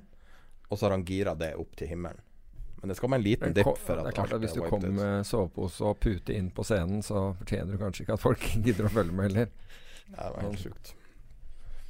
Men nå var det en, voldsom digresjon der. Beklager for det. Eh, månedens bankskandale. Ja. Skal vi oppsummere 13 bankfolk ble dømt. Seks fra Deutsche, to fra Nomura, tre fra Ok, vent litt. Tre fra Banca Monte dei Paschi di Siena. Nettopp. Det er vet du, banken som ble stiftet i 1474, tror jeg, eller noe sånt noe. Jeg klarte å si feil. Det var fem fra Det var Fem fra Banca Monte dei Paschi di Siena. Den. den 1472 er den fra. 1472 er den banken fra. Og det som er uh, greia her, det er at i perioden fra 2008 til 2012 så hjalp uh, da Deutsche Bank og Nomura denne italienske banken å skjule tap de, de hadde i italienske statsobligasjoner. Hvordan heter italiensk bank? Den heter Banca Monte dei Paschi di Siena. nettopp den. Den uh, de, de hjalp uh, dem å skjule tap på flere hundre millioner euro. Um, og det hevdes at Mario Draghi, som da nå avgående, avtroppende heter det vel, ECB-sjef, han var da sjef for den eh, italienske uh, sentralbanken på dette tidspunktet, og man mener jo da at han har visst om dette her og ikke gjort noe, eller så har han sovet ekstremt i timen. Men poenget er at uh, det, disse bankfolkene ble da dømt i forrige uke, og dette er de strengeste, noen av de strengeste dommene siden Tom Hayes, han som var i Citibank UBS altså, og Libor-skandalen. Han fikk vel 14 år, og så ble det vel anket eh, fra hans side straffeutmålingen som da ble redusert til enten 10 eller 9. Men her er det, her er det straffer på over, øh, fra 7 år og ned til 3, tror jeg. Ja, Ja, det er 7,6 ja, er han jo. det mest signifikante er jo når du ser på titlene til det karene. Ja, men se på titlene til de gutta hos Deutsche Bank. For der var jo bl.a. sjefen for Deutsche Asset Management. Som senere, øh, tror jeg, gikk til et eller annet oljefond et eller annet sted i verden. Så Head, det, head of Global Rates, head of, head of Structured Trading, ja, Head of European Sales, Account Manager, Co-Head of Global Capital Markets, Head Ja. of Italian Sales. ja. Så har du i Nomura var det CEO-en for Nomura Europa. Head of Sales for Europa. Og så har du eh, den italienske banken som jeg spilte av i stad. Da er du chairman, general manager, CFO, head of finance division og head of asset liabilities management division. Altså det her er jo basically ledergruppa til den italienske banken. ja, Banca Monte dei Paschi di Siena. ja. Hele ledergruppa dømt til syv Ja. års fengsel. Ja, Santorini og Al Alexandria het de to produktene som, eh, som Deutsche og Nomura satte opp for at de skulle kunne skjule tap. Tenk deg, tenk deg å gjøre dette da. Det er jo helt vanvittig. Altså her. Men det stopper jo ikke med det. Dette er, jo, dette, er måte, dette er jo på en måte ukens eller månedens eh, bankskandale. Men når Jeg trodde det var danske. ja men, ja, men så har du dan Ja, la oss ta danske, da. Danske Bank, som da hadde anbefalt russere som skulle skjule penger, å kjøpe fysisk gull av dem. Det var fint. Det er, det er sånn Det er Kan ikke være Og dette kommer etter alt det andre som, som, som danske nå er uh, anklaget for. Det er jo fantastisk. Og Finanstilsynet finner jo da ingenting selvfølgelig alvorlig eller systematisk i noe av dette her, for da hadde, hadde de måttet gjøre noe med, med, med, banken. Så det, dette kan jo verken være alvorlig eller systematisk. Og når vi er inne på alvorlig og systematisk, så, så var det jo da en sparebank på Hønefoss, jeg tuller ikke, hvor noen hadde brukt en, øh, skutt inn kontantbeløper for å nedbetale Uh, Brukt en sånn kontantmaskin for å, for å nedbetale uh, boliggjeld som da skulle vært rapportert, og som da ble oppdaget uh, ved et, ved et uh, stedlig tilsyn, og at det ikke hadde blitt rapportert. Så da var det da penger. Altså det var hvitvasking i stor stil. Men det er klart at når noe skjer over fem måneder, så kan det jo i hvert fall ikke være kalles systematisk, og sikkert ikke alvorlig heller, siden det bare er Hvis det hvitvasking. er én ting jeg har lært av amerikanske filmer, så er 10 000 Hvis det er under 10 000 dollar, så må de ikke rapportere det inn. Ja. Jeg vet ikke om det er virkeligheten. Så- Nei, men her tror jeg, her, her tror jeg det. summene var, var bedre enn det. Men, men du kan si at her gjør du det over det. Og det som er kriteriet for at liksom Finanstilsynet skal ta fra deg eh, konsesjoner og den type ting, det er at det er systematisk eller alvorlig. Så det er hvitvasking er ikke alvorlig. Og det at det skjer over fem måneder, er, kan, er heller ikke å betrakte som systematisk. Så da vet man det. Så da er det bare å kjøre. Jeg trodde man måtte ha sånn uh, Sånn her solarium. Og så stå og pumpe mynter inn hele dagen. er ikke det det som er trikset med hvitvasking? Jeg vet ikke. Det, Jeg har ikke brukt solarium. det var derfor det var solarium før overalt. Fordi at eh, det var en av de få cash only-businessene som Ok. Wow. angivelig. Ja. Jeg er ikke kriminell. Ja.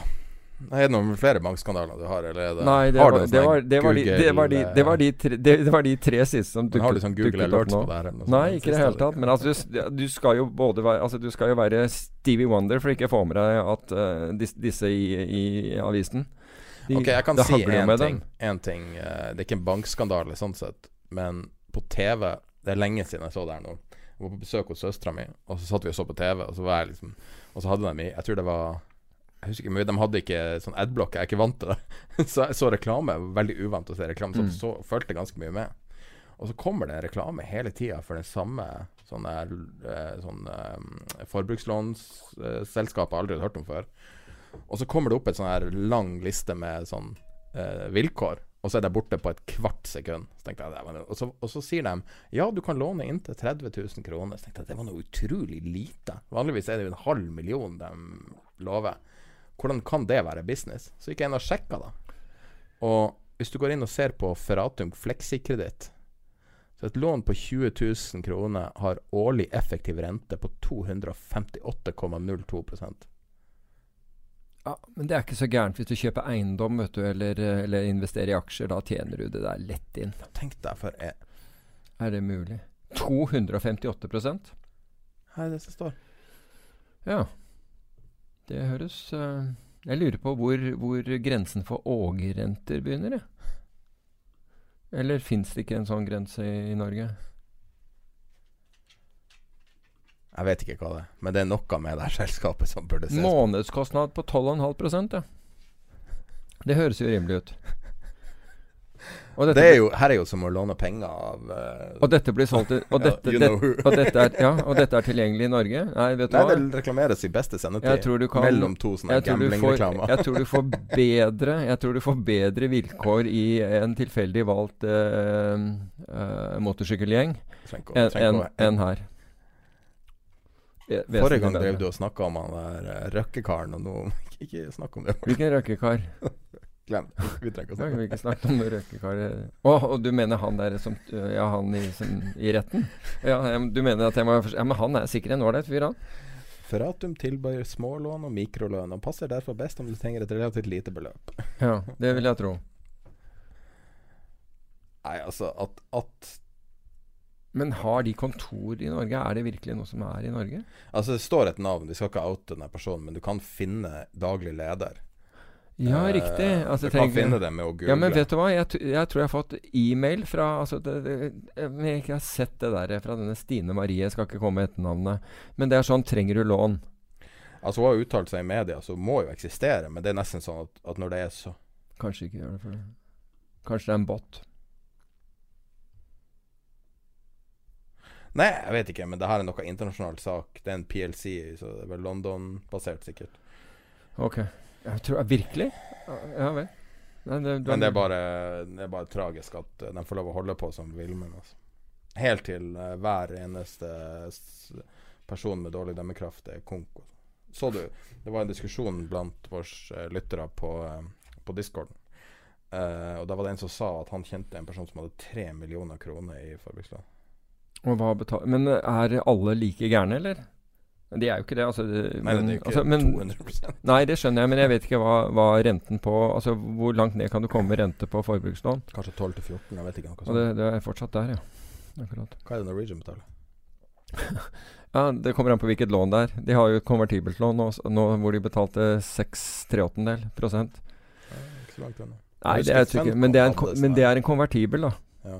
Det er en konvertibel. Norwegian betaler over 10 for uh, Altså, eller yielden på, på deres lån, altså de lånene som er ute som ikke er konvertibelt lån, er over 10% Mens det nye lånet, som er en konvertibel, altså hvor man har rett til å tegne aksjer Har faktisk fått noen spørsmål om det. Skal vi ta noe om det, eller?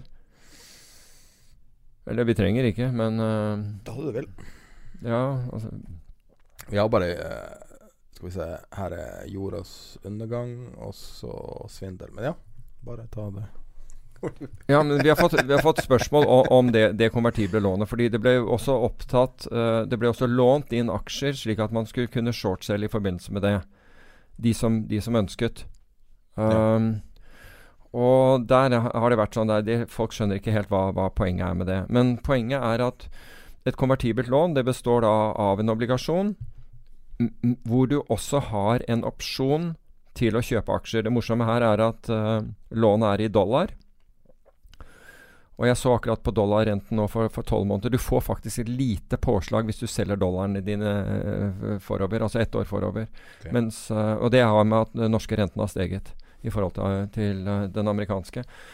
Um, men i hvert fall Du har da retten, altså lånet er i dollar, men du har rett til å kjøpe Norwegian-aksjer de neste fem årene til en kurs på Konvertere lånet til, til kjøp av aksjer til en kurs på, på, på 50 kroner aksjen.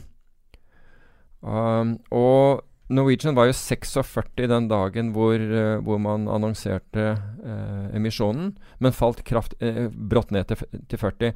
Og det vil si at dette konvertible lånet den kommer til å være følsomt overfor kursutviklingen i aksjen. Fordi du har den retten. ikke sant? Altså Retten blir verdt mer det nærmere du er 50 kroner, og, og selvfølgelig det høyere du går over. Mens eh, rettigheten, som er en del av lånet Du kan si at forskjellen mellom Altså, Norwegian har lånt da til 6 eh, tre åttendel, altså hva er det, 6,375% i året, kontra det at de måtte betale over 10 hvis de hadde lånt på vanlig. Men la oss si at det er 4 da, bare imellom der. Så, så sier man ok, jeg gir fra meg de 4% fordi jeg vil ha den Det er den opsjonen som gir meg retten til å kjøpe Norwegian hvis den går over 50 kroner. Så faller Norwegian så, øh, aksjen, så vil jo da lånet bli mindre verdt også. Men dette, dette er jo en aksje som har skyhøy volatilitet. Vi var jo ned på 30 for ikke lenge siden. Så så sånn sett kan være, være interessant. Men det som skjer, er at Men summa summarum, Norwegian har finansiering, og det er jo det som er viktig. Ja, altså Så- om de har finansiering helt ut. Men bare for å forklare det konvertible lånet. De, det er jo da mange aktører som Du vet at du, du har jo Norwegian-opsjoner som handler på børs, som kanskje handler den opsjonen i forhold. Og hvis du skal gjøre det, så shorter du da Norwegian i det, det, det tilsvarende eh, deltaen Nå blir det veldig teknisk. På, denne, på, på den opsjonen. De som trader Altså den, de som ønsker å trade dette her som en opsjon.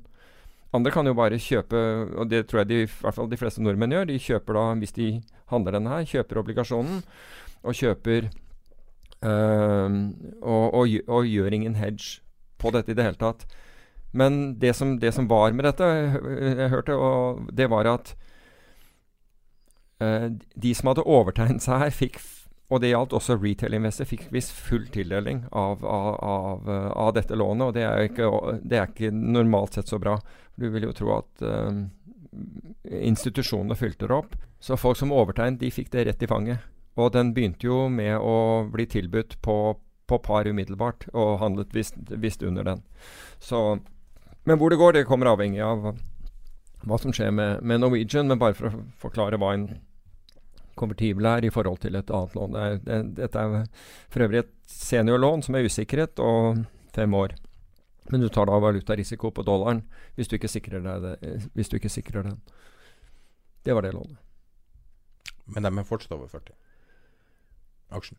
Ja, det kan være. Eh, Det, det kan være, men husk den var 46 når, eh, når eh, det, dette ja, Det er emisjonskursen på, på, på, på, på aksjeemisjonen, ja. Ja. Riktig. Så det, altså, sånn sett så er det jo øh, Man kan kalle det vellykka, da. Altså. Den måtte ikke gi så stor rabatt. Ja, altså den, falt, altså den, den, dundra ned fra, den dundret ned fra 46 til omtrent 40. Men la meg zoome ut chartet litt for deg. Ja, så, ja, ja. Jo, jo, men jeg, jeg tenker jo at de som Altså, det var en mindre rabatt, eh, den der, og, og, men det betyr jo at de som de som kjøpte for å flippe dette ut, og det var visst en, en god del som gjorde, de, de klarte i beste fall å få 42 hvis du var kjemperask. Kjøp, ikke sant? Altså Du har tegnet deg på 40 og få ut på, på 42, så det er ingen som har tjent en sånn kjempegevinst på denne her, da. Nei. Men uh, Men forrige gang de hadde en emisjon, så, så gikk det i dass for alle flipperne. det mener jeg altså. At de skal tjene penger, er kanskje bra nok. Ja, men altså i forhold til hva du tapte på den forrige, så altså. Herregud. Torsken har flippa. Mm.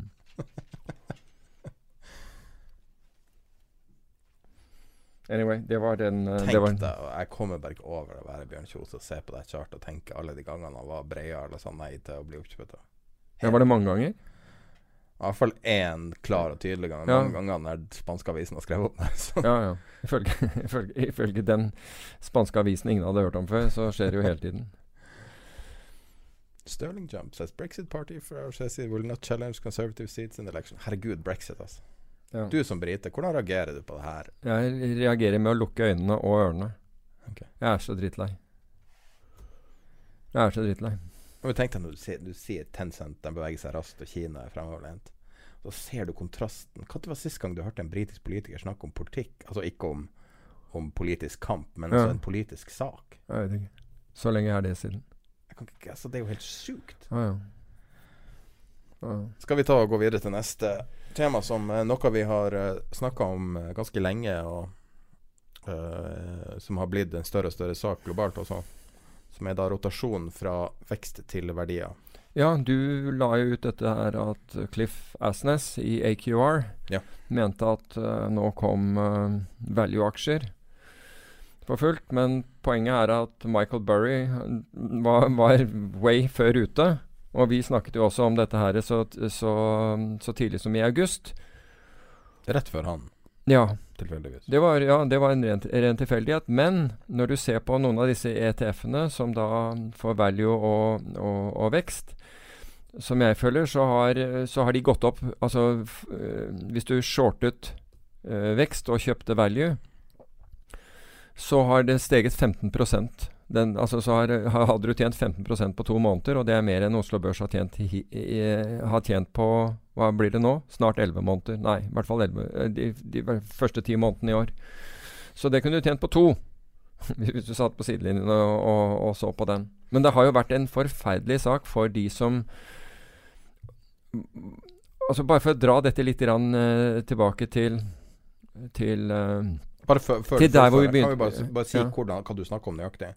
Så det du snakker om, er uh, long uh, IWC, short DIA. Ja, for Altså. IWC, Ja, short DIA. Det er to Ja. ETF-er. Uh, du har tre strategier som har blitt lagt opp som Og det, er den mest ekstreme. ja. Uh, Det, det var også den som var mest ekstrem, altså i utgangspunktet. du-. Og så har du en, en sånn middelversjon som eh, som er long i WM og short SPI, altså Ja. short eh, SMP. Og så har du den minst ekstreme som er long i WC og short i WM. Ja, det er microcaps mot, iShares Russell 2000 osv. Det her var en artikkel som ble delt eh, i sommer på, På Facebook-gruppen. Ja, så hvis du hadde fulgt det, så Ja, så Vi legger den ut i beskrivelsen. Men, men det slår meg, fordi eh, man har jo man, man snakker jo hele tiden om hva slags investor man er. Hva slags fond er man? Jo, man er uh, verdiorienterte aksjer osv. Og, så og verdiorienterte aksjer har jo vært forferdelige i lang tid. Og, og man trenger altså man kan, i, ettertid så, så, så finner jo alle forklaringer på, på, på, på hvorfor det har skjedd.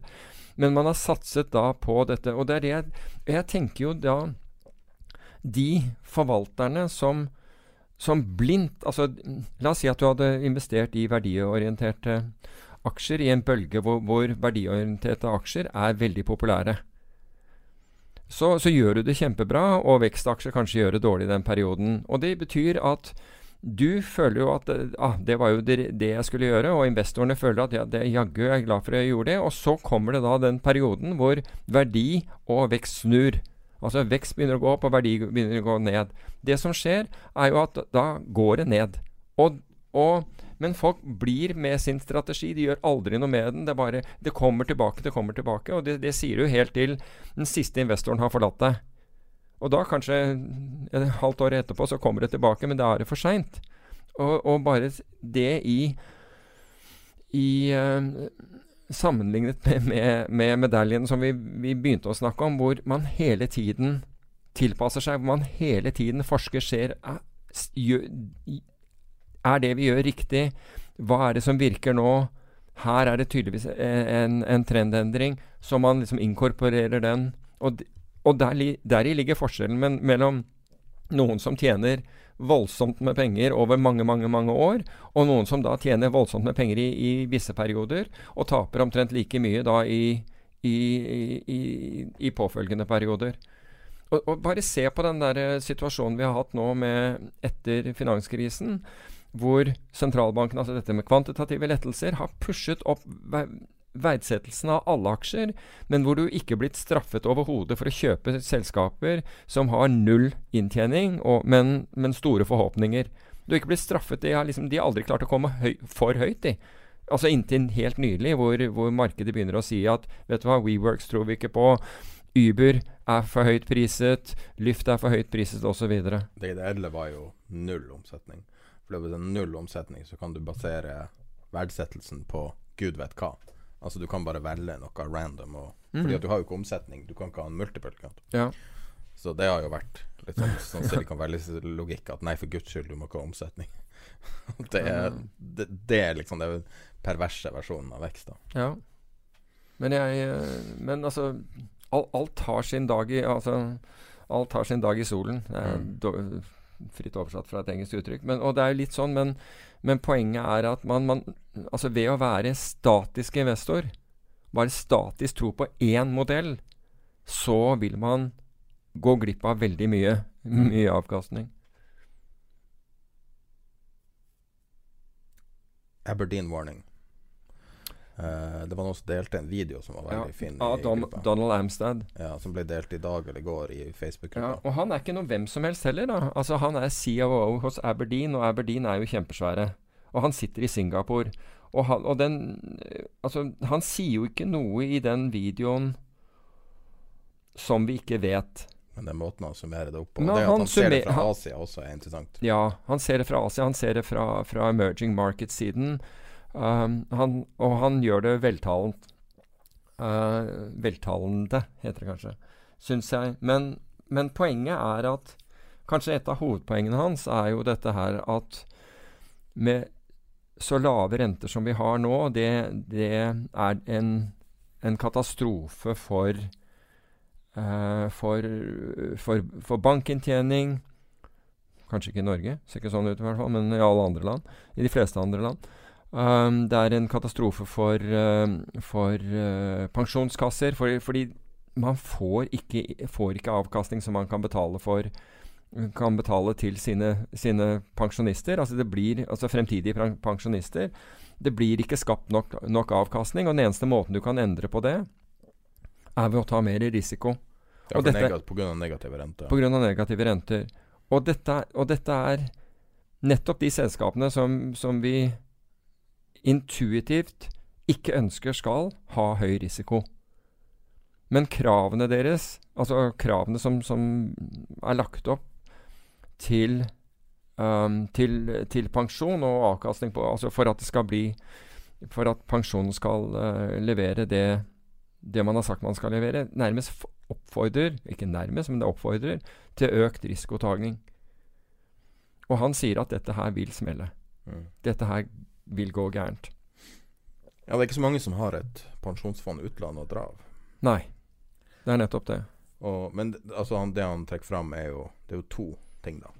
Det ene er jo hva IMF sa til Asia, altså asiatiske land, utviklingsland, etter Asiakrisa dere må for guds skyld ikke trykke penger. Dere må ikke gjøre det. Vil dere Nei, de fikk beskjed om å ikke gjøre det. De ja, vil dere bli til Zimbabwe? Da, ja, ikke sant. De, de, fikk jo beskjed Fordi de ønsket jo å gjøre det, men fikk beskjed om at nei, det, det ville føre til Zimbabwe-lignende tilstander. Altså det vil føre deg rett i, rett i dass.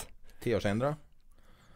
Uh, EU, Sveits USA Sverige, Kina, Japan, Storbritannia. innfører en eller annen form for kvantitative lettelser. Ja. Eh, maskert pengetrykking. Ja. eh, manipulasjon av obligasjonsmarkedet, i noen tilfeller også aksjemarkedet.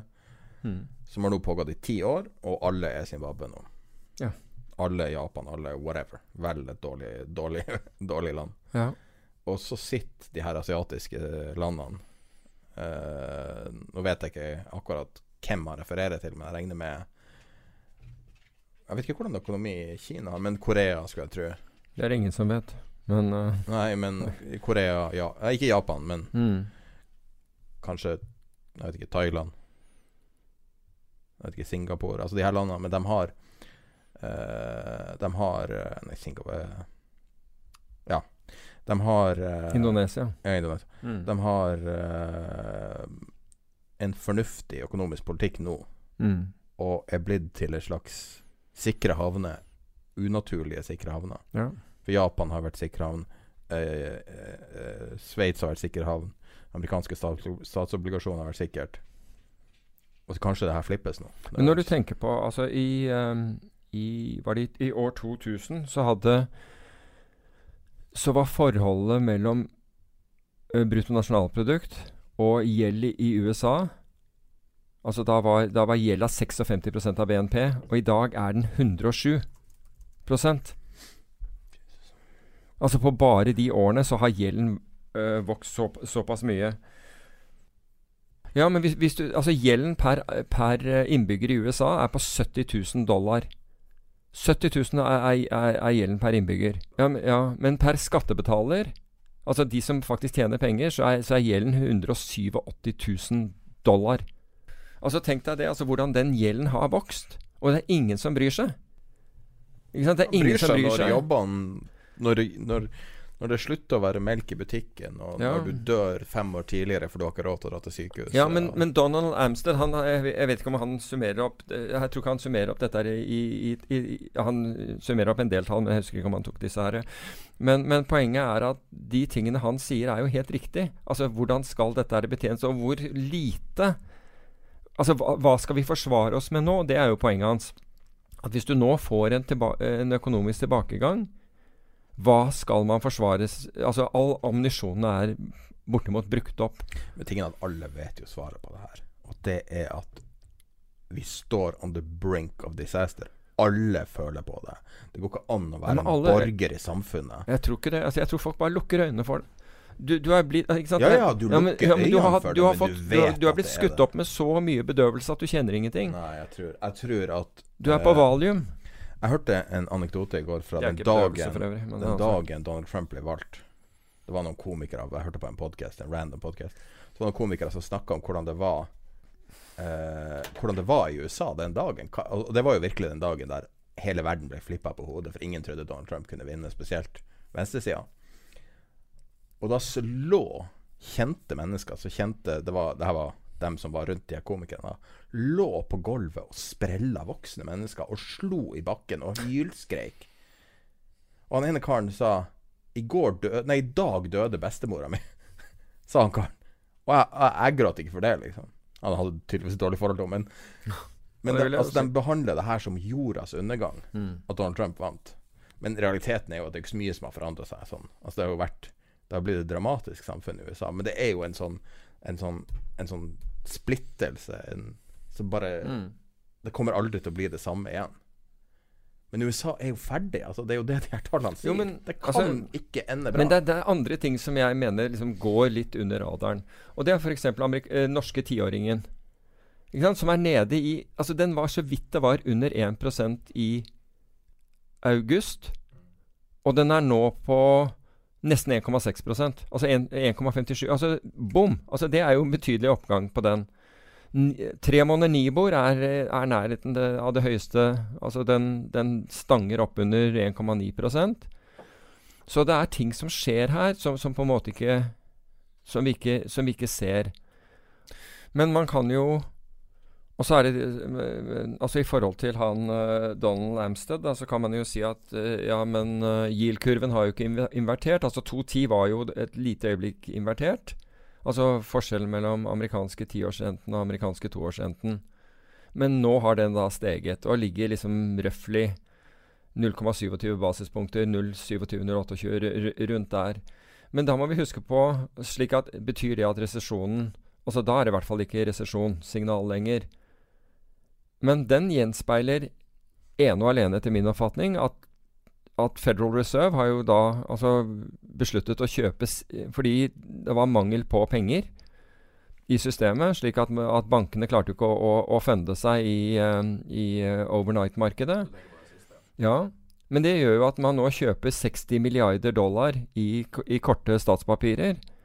Uh, og, skal, og, skal, og, det skal man gjøre da inn i neste år. Så det at 2.10 endrer seg Altså det var, det var veldig logisk konsekvens av det. Så de manipulerer opp 2.10? Ja, men altså det, nei, er, Eller du kan si at 2.10 er en konsekvens av det. Mm. Altså, eller, eller, at de eksplisitt har lyst til å heve det. Ja, men it makes, ja, det kan være, men it makes sense to, å, å, å gjøre den traden. Mm. Rett og slett. Fordi altså, i det øyeblikket de kommer inn og gjør 60 milliarder så dollar, så, så, så var det jo på en måte uh, given hvordan, hvordan, den ville re reagere. Så får vi se hvor Altså det er interessant. Det er veldig interessant. Har du funnet på det sjøl? Ja, jeg har ikke sett noen andre si noe om det. Det er veldig interessant. Det forklarer jo helt klart og tydelig. For det ja, er jo men altså, jeg, jeg, jeg, tenkte jo det der med en gang, at, at, at, det, at det er bunnen for den. I hvert fall midlertidig bunn. Så får vi se hva som skjer om, om de slutter å kjøpe om, om, de slutter å skyte inn penger. Men det er klart at det er en betydelig mengde, mengde penger som kommer inn. Det er for øvrig ja, litt interessant å si at, uh, at etter hvert som norske renten altså Jeg vet ikke om det er en konsekvens av det, men vi drev og altså Nå som norske, nors, norske tiåringene har, uh, har, hatt en bevegelse altså Jeg vet ikke om det medfører at, at kronen styrker seg heller. At altså, du får såpass altså Når du får 1, over halvannen prosent for, for uh, i, i yield på norske tiåringen kontra å få under 1% Var det ikke brexit-avklaringa som Vet ikke. Jeg vet er ikke krona veldig sensitiv for brexit? Jeg, jeg, så den der. Jeg så den, det, det i dag, man Men jeg vet ikke. Altså Jeg vet ikke. Jeg er litt sånn usikker på om det er Altså Man sier at ok, hvis det går gærent her, så blir det veldig svak krone. Altså, Storbritannia er jo Norges største handelspartner, så vidt jeg husker. Ja, altså det Kanskje Sverige er større, men jeg tror Storbritannia er den største. Men han slutter ikke. Altså, brexit eller ikke, han kommer ikke til å slutte. Men uh, Men jeg gjetter vel på at Jeg gjetter vel Altså, jeg føler jo at Altså, for det første, vi, vi styrker oss fra Hvor høyt var vi? Vi var 10,31 og ned til 10,08. I 2017 eksporterte vi olje og naturgass til Storbritannia for 143 milliarder kroner. Mm.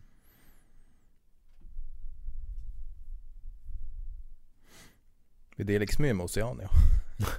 Men altså Nei, det, det, kan jo ha noe med, med, med avstanden.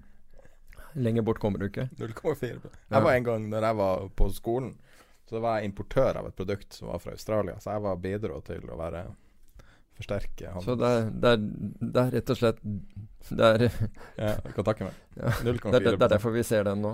Men, men, men, poenget mitt, men, poenget mitt, er at, uh, er at akkurat idet man alle var helt overbevist om at krona skulle gå svakere, da er vi på 10,30, så er vi bom. Så er det, altså, da, opp, da Husker vi snakket om forrige gang at, uh, at um, kron... Altså, altså euro norske Og det, dette er bare statistikk den faller kraftigere enn den, den, den, stiger. Altså den daglige bevegelsen til nedsiden er, er større. Altså den, er, den har fetere venstre hale enn høyre hale, for å være helt nerdete. Um, Ned så, 13 øre fra toppen. Ja, det, ja, men den, den var, ja, og det, da så vi plutselig den komme av noe kraftig. Så det var akkurat idet alle var overbevist om at nå var det kun én vei å gå, så bang. Da så vi den største bevegelsen vi hadde sett på lenge. Men jeg skulle jo tro at det største problemet til Norge er jo at folk ikke følger så veldig mye med. At det er så liten økonomi at det bare blir lumped in with the, jo, men with apropos, apropos det, for nå, nå snakket man om, om, julehandelen. Nå snakker man om julehandelen i dag på nyhetene. At, at den vil bli, bli um, påvirket av den svake kronen. Og det tror jeg den gjør. Det tror jeg den gjør. Men, men, men husker du når vi først snakket om, det, om dette? Da, da, så du at nei, det påvirket ingenting. Den der at kronen gikk svakere, påvirket ikke det. På, påvirket ikke nordmenns ferievaner eller noe som helst. Det var bare fordi de, den svake kronen hadde ikke slått inn ennå. Og nå ser vi at den slår inn, og allerede nå varsles det. Ja, selvfølgelig. Så altså, det, er- det er helt Man idiotisk. snakker Altså, alltid når, om når folk industrien, men- ja, man, man spør, spør folk og sier nei, det kommer ikke til å slå inn. Det, det ser du at de ikke har gjort. Det hadde ikke slått inn fordi det var ikke, det var ikke tatt, tatt hensyn til i de nye prisene. Utelukkende derfor det slår inn. Det kommer jo nesten garantert til å se masse konkurs på nyåret. Når julesalget feiler. Når du ser nå at før jul at de kjører massesalg i sportsbutikker. Det er mulig. Ferdig tenkt. Men, men uh, Jeg trenger en hest. En hest Ja. ah, Oslo vest, altså. Det er jo ikke det. det er, eh, Går det an å bli mer stereotyp? Skal du kjøpe en hest? Ja. Hører dine familiemedlemmer på denne podkasten? Uh, jeg, jeg tror ikke det vil eh, Jeg tror ikke Jeg tror ikke at eh, Kaja vil bli veldig overrasket. Hun har vel ønsket seg hest i Jeg husker ikke hvor Hvordan? mange år nå. Ok, jeg er på torget nå, så jeg søker på hest på Finntorget. Det er 14 000 ja, hester. Tro meg, hun, hun har mer advanced uh, searching tools enn det du har. Nei, er 870 alder- hester til salgs. I en alder av 13 år, så er hun Sor- Ja, men er hun Sorter høy til, til lav. Her har vi en billig en. Ja, Dressur. Tro meg, hun har, hun har eh, Ja, men det er veldig Jeg helt- syns du må ha noe ordentlig når du skal kjøpe det. Her er det Du må sette inn den der Tesla-skjorten, og, så- og så betaler du det. Ja, men det er kanskje ikke så dårlig idé, det der med, med Tesla-short. Men jo, men, men mens vi er inne på, på temaet, så så er jo folk rekordshort. Nå er, nå er man mer short volatilitet i USA enn da XIV kollapset, den, den ETF-en kollapset. Bare for å gjenta det, den hadde jo hatt en fantastisk avkastning de, de, gjennom to år. Og, og fått inn masse pensjonskasser som hadde kjøpt denne ETF-en, for det kunne jo ikke gå galt i å gå short uh, volatilitet. Og på 20 minutter så gikk den til null. Mm. Tenk deg det, et, et børsnotert fond går til null på 20 minutter. Jeg kommer fortsatt ikke over at vi satt og snakka om det i, mens det skjedde. Ja, det var helt Ja, ja. Jeg Helt trodde, jeg trodde det, så det var feilprint. Jeg var i USA. Men, men poenget mitt er at nå er, nå er man mer short volatilitet i USA. Mm. Og du kan si at det er den ene måten å være short på. Og majoriteten tar alltid feil. Ja, men Vixen, ikke sant, er, er å være short Ja, er, man er short den, men man er short med, gjennom så mye annet. Så mye annet, in inkludert eh, kredittobligasjoner og den Altså obligasjoner man kjøper. Altså selskapsobligasjoner er også short volatilitet. Så um, det er ikke et godt tegn, altså. Men men det som er positivt, det er at, uh, at forsikring er billig. Men når forsikring er billig, er det få som vil ha den. Så sånn er det bare. Men uh, Så hvis du er ute etter å kjøpe Laste opp med putta? Nei, men jeg, jeg tenker å gjøre det. Jeg tenker å, å prøve å finne smarte måter å gjøre det på. Men greiene er at du må gjøre det på en måte så du Altså Får jeg lov å komme med en idé? Ja, kom med uh. Eh, en, en idé som jeg har lyst til å gjøre over de neste ett til to årene. Så eh, Ta litt av det du har lært meg, og ta litt av min følelse av at det her er liksom game over for veldig mye. Sånn at eh, min inntekt er basically sannsynligvis påvirka av konjunkturen. Det vet jeg ikke, jeg har ikke nok data på det, men, men jeg vil tro det. Så jeg vil, jeg vil ha finansinntekter som går litt motsatt. Mm. Og så tenkte jeg å sette av x antall tusen i måneden og putte inn i en strategi der målet mitt er å ha både markedsnedsidebeskyttelse og å ha eh, potensiell stor oppside hvis liksom, antakelsene er retta. Så ideen er at jeg har lyst til å vedde mot alle som ikke tjener penger, eller som har stor cashburn, eller som er utrolig suspekt. Alle, ikke, ikke helt på WeWork-nivå, Mm. men så må de være store nok til å ikke bli kjøpt opp. Ja. Kunne jeg tenkt meg å bruke din strategi, som er å utstede calls og kjøpe puts, Ja, og, ja. finansiere, og finansiere deler av traden med å utstede calls i kort periode. Mm. Og så vil jeg gjøre det hver måned. Altså sette av en del av driftsinntekta hver måned til eh, å gjøre det her. Og så sitte med bare én, én risk i måneden, og så sitter f.eks. én måned med den risken. Altså oppsiderisken. Ja, Men du gjør jo ikke det hvis du gjentar den hver måned. Så, så vil du jo hele tiden gjenta den risikoen òg. Ikke med samme selskap. Så ideen er La oss okay. si at, at jeg tar sånn som er gjentatt ganger her. Altså eh, eh, Tesla, Netflix Snapchat Mm. er for lite. Det kan alltid bli oppkjøpt som er livsfarlig med et sånt Mm. selskap. Og så bare gå gjennom alle selskapene som taper penger. Det er ca. 10-15-20 selskaper som alle er en eller annen form for, for dritt. Og uh, jeg kaller det the big shit short. Uh, Mm. Og veldig stolt av det navnet. Jeg kom på det spontant og henger fast det. Uh, og da jeg lurer på hva du syns om den. Og så ideen er å sitte og rulle gjennom de, alt det som er dritt, og hver måned laste på en ny, som jeg da sitter med short et år. Og når året har gått, altså når, når man kommer til slutten og man ikke kommer på noen nye, så gjør man samme strategien med den første igjen. Og så sitter du og konstant akkumulert har ganske stor nedsidebeskyttelse. Mm. Eh, du tar begrensa risk, så du kan trade deg ut av det hvis du bommer på et eller annet. Men hvis du holder deg Hvis du klarer å, å eksekvere den korrekt, så, så Så vil du aldri lide, da. Altså, du vil ikke gå konkurs, for du kan jo alltids konke av å gjøre det en sånn Ja, ja, det, ja, absolutt kan du det. Um, Men hva du syns om den ideen om å gjøre det på den måten? Fordi at jo, da det, eliminerer du timing. Det er det som er ja, altså Du ja, vet at det går til helvete, men det kan ta tre år. Ja, Men om altså, tre år så sitter du med liksom kanskje ti, nei, 100 000 putter. Egentlig. Ja, men de gjør jo ikke det, for puttene går jo ut på et eller annet tidspunkt. Jeg vet det, men men altså, jeg sier det er- akkumulert. Men, men la meg igjen fra Simons bok få lov å komme med et, et sitat som jeg syns var uh, veldig smart. Jeg hørte på det når jeg kom over. Smart guys frequently get the details right, but the big picture wrong. Og det er helt sant, og jeg tenkte på det selv også.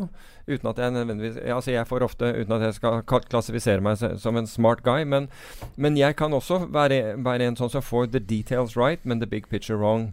At big picture handler om liksom når er det dette skjer, altså timingen av det og så, videre. Jeg får ofte um, ha rett på liksom det som uh, det, det, som, det som vil skje, men det kan være at jeg er altfor tidlig med, med det osv. Så, man må passe seg for, for, for den. Altså Hvis du Altså Salgsopsjoner vil jo gå ut på tid.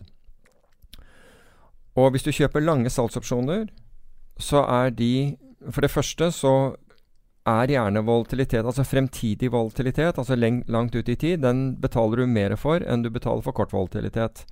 Altså volatiliteten i seg selv er høyere, slik at premien din vil være mer. I tillegg, hvis du har det lange, så reagerer ikke det så vanvittig som hvis du eier kortet.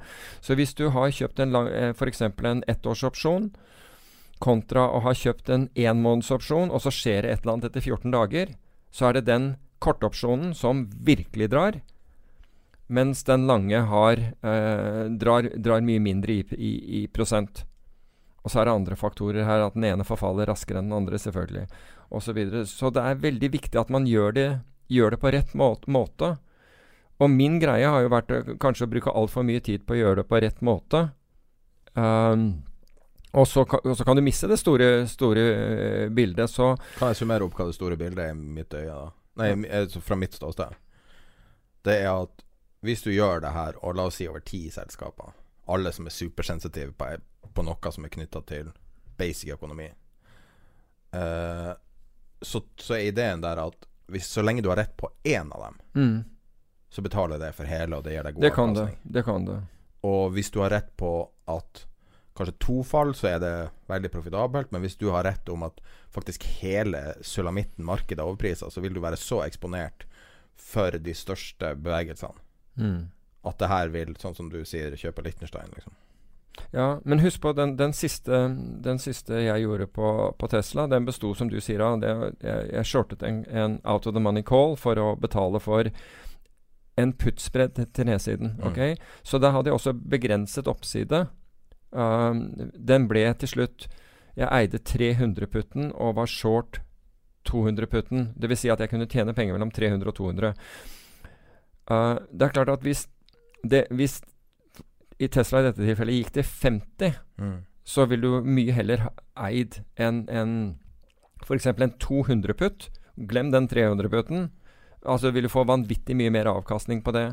Men pga. det som skjedde med, med, Tesla, nemlig at den gikk ned, gikk litt opp igjen, gikk ned, gikk litt opp igjen, så var det en bedre løsning, det jeg hadde valgt.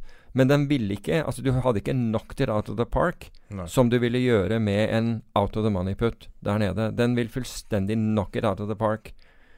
Men da må liksom der, Da må jo det inntreffe, da. da må Men liksom ideen er hvis du tenker at du At du er villig til å betale Du er villig til å ta penger ut av driften. Ja, og det, det var akkurat det vi gjorde under finanskrisen når vi, når vi, kjøpte, når vi kjøpte beskyttelse på spansk nasjonalgjeld. Vi var villige til å betale jeg husker ikke hva det var, 37 500 dollar i året eller et eller annet sånt. For å, fordi vi mente at noe ville gå noe helt enormt. Um, så Men da må man være villig til det. Altså Nå skjedde det at det gikk noe helt enormt, men, men du kan si at hele altså i, at, For at jeg skal kunne kjøpe den, så, så, tror resten av markedet på at her er det ikke et problem. Resten av markedet må liksom mene det, ellers vil jeg aldri få kjøpt det billig. Uh, den, ellers så vil den bli, bli prist inn, bare så man vet det. Altså, du, må være, du, er, du er ganske kontrær når du gjør noe sånt. Mm. Og du sier at 'jeg har rett, og hele markedet tar feil'. Um, og, i, og, og hvis du mener det hver dag, så tror jeg du blir overrasket over hvor ofte hele verden har rett og du tar fullstendig feil. Men hvis du gjør det innimellom og har en god grunn for det, så kan du, så kan du treffe.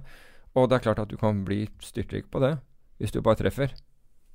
Men det er den der kombinasjonen Man må tenke ordentlig gjennom hvordan man skal utføre det. Men det her er jo også det at du kan Altså riktig eh, eksekvert Nå satte jeg opp en veldig forenkla versjon av det, bare, sånn, bare for å kunne Ja. Hypotetisk. Men uh, ideen her er jo at det føles som en hundreårsbølge i ferd med å trekke tilbake. Mm. Vi snakker om en generasjon med opptur. Nesten uavbrutt. Ja, At altså, Norge går inn i en depresjon, liksom. Ja, altså jeg må innrømme at jeg er ikke, jeg er ikke, jeg er ikke så Altså jeg er ikke i stand til å, å tenke så langt fram.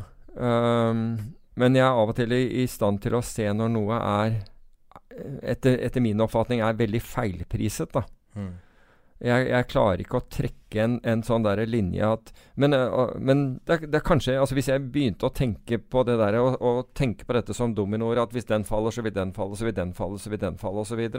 Men det er alltid ting der som Men altså, du må tjene penger til syvende og sist. Det er bare, det er bare så enkelt. Ja. Og så sier du at man har en uh, Man har en uh, overgang fra, fra vekst til value, og det er typisk 10-års, 20-årssykluser. Og når, når vi går tilbake til value, Mm. da vil jo alt det her som ikke tjener penger, bare Det vil jo bare fordufte. Ja, det er sant. Det er sant. sånn, Men, men når jeg ser den der vekst to value, så, så, så, så snakker jeg Altså når jeg ser på den og var opptatt av den, så tenkte jeg mer på mean reversion enn at, at det var et, et trendskift, altså et varig trendskifte. Det kan være at vi har fått det. Fordi den, den trenden med hvor man har foretrukket vekst fremfor value, har vart ekstremt lenge. Så det kan godt hende at august var bunnen Mm. for det. Det vet jeg ikke, men i mitt hode når jeg var ute etter det, så, så, så var det en så, så flagget det på, på, på mean reversion, altså at dette her trekker seg tilbake. Altså ja, for at min styrke er jo ikke finansen. Men jeg tror at min styrke er at jeg klarer å se sånn bølger. Altså klare å plukke opp Ja, hvis, trender. hvis du klarer det Også Dave Murren er, er en annen kar. Så en, han, han, en engelskmann som for øvrig har vært i Norge no, noen ganger, er, eh, som, og jeg betrakter som venn.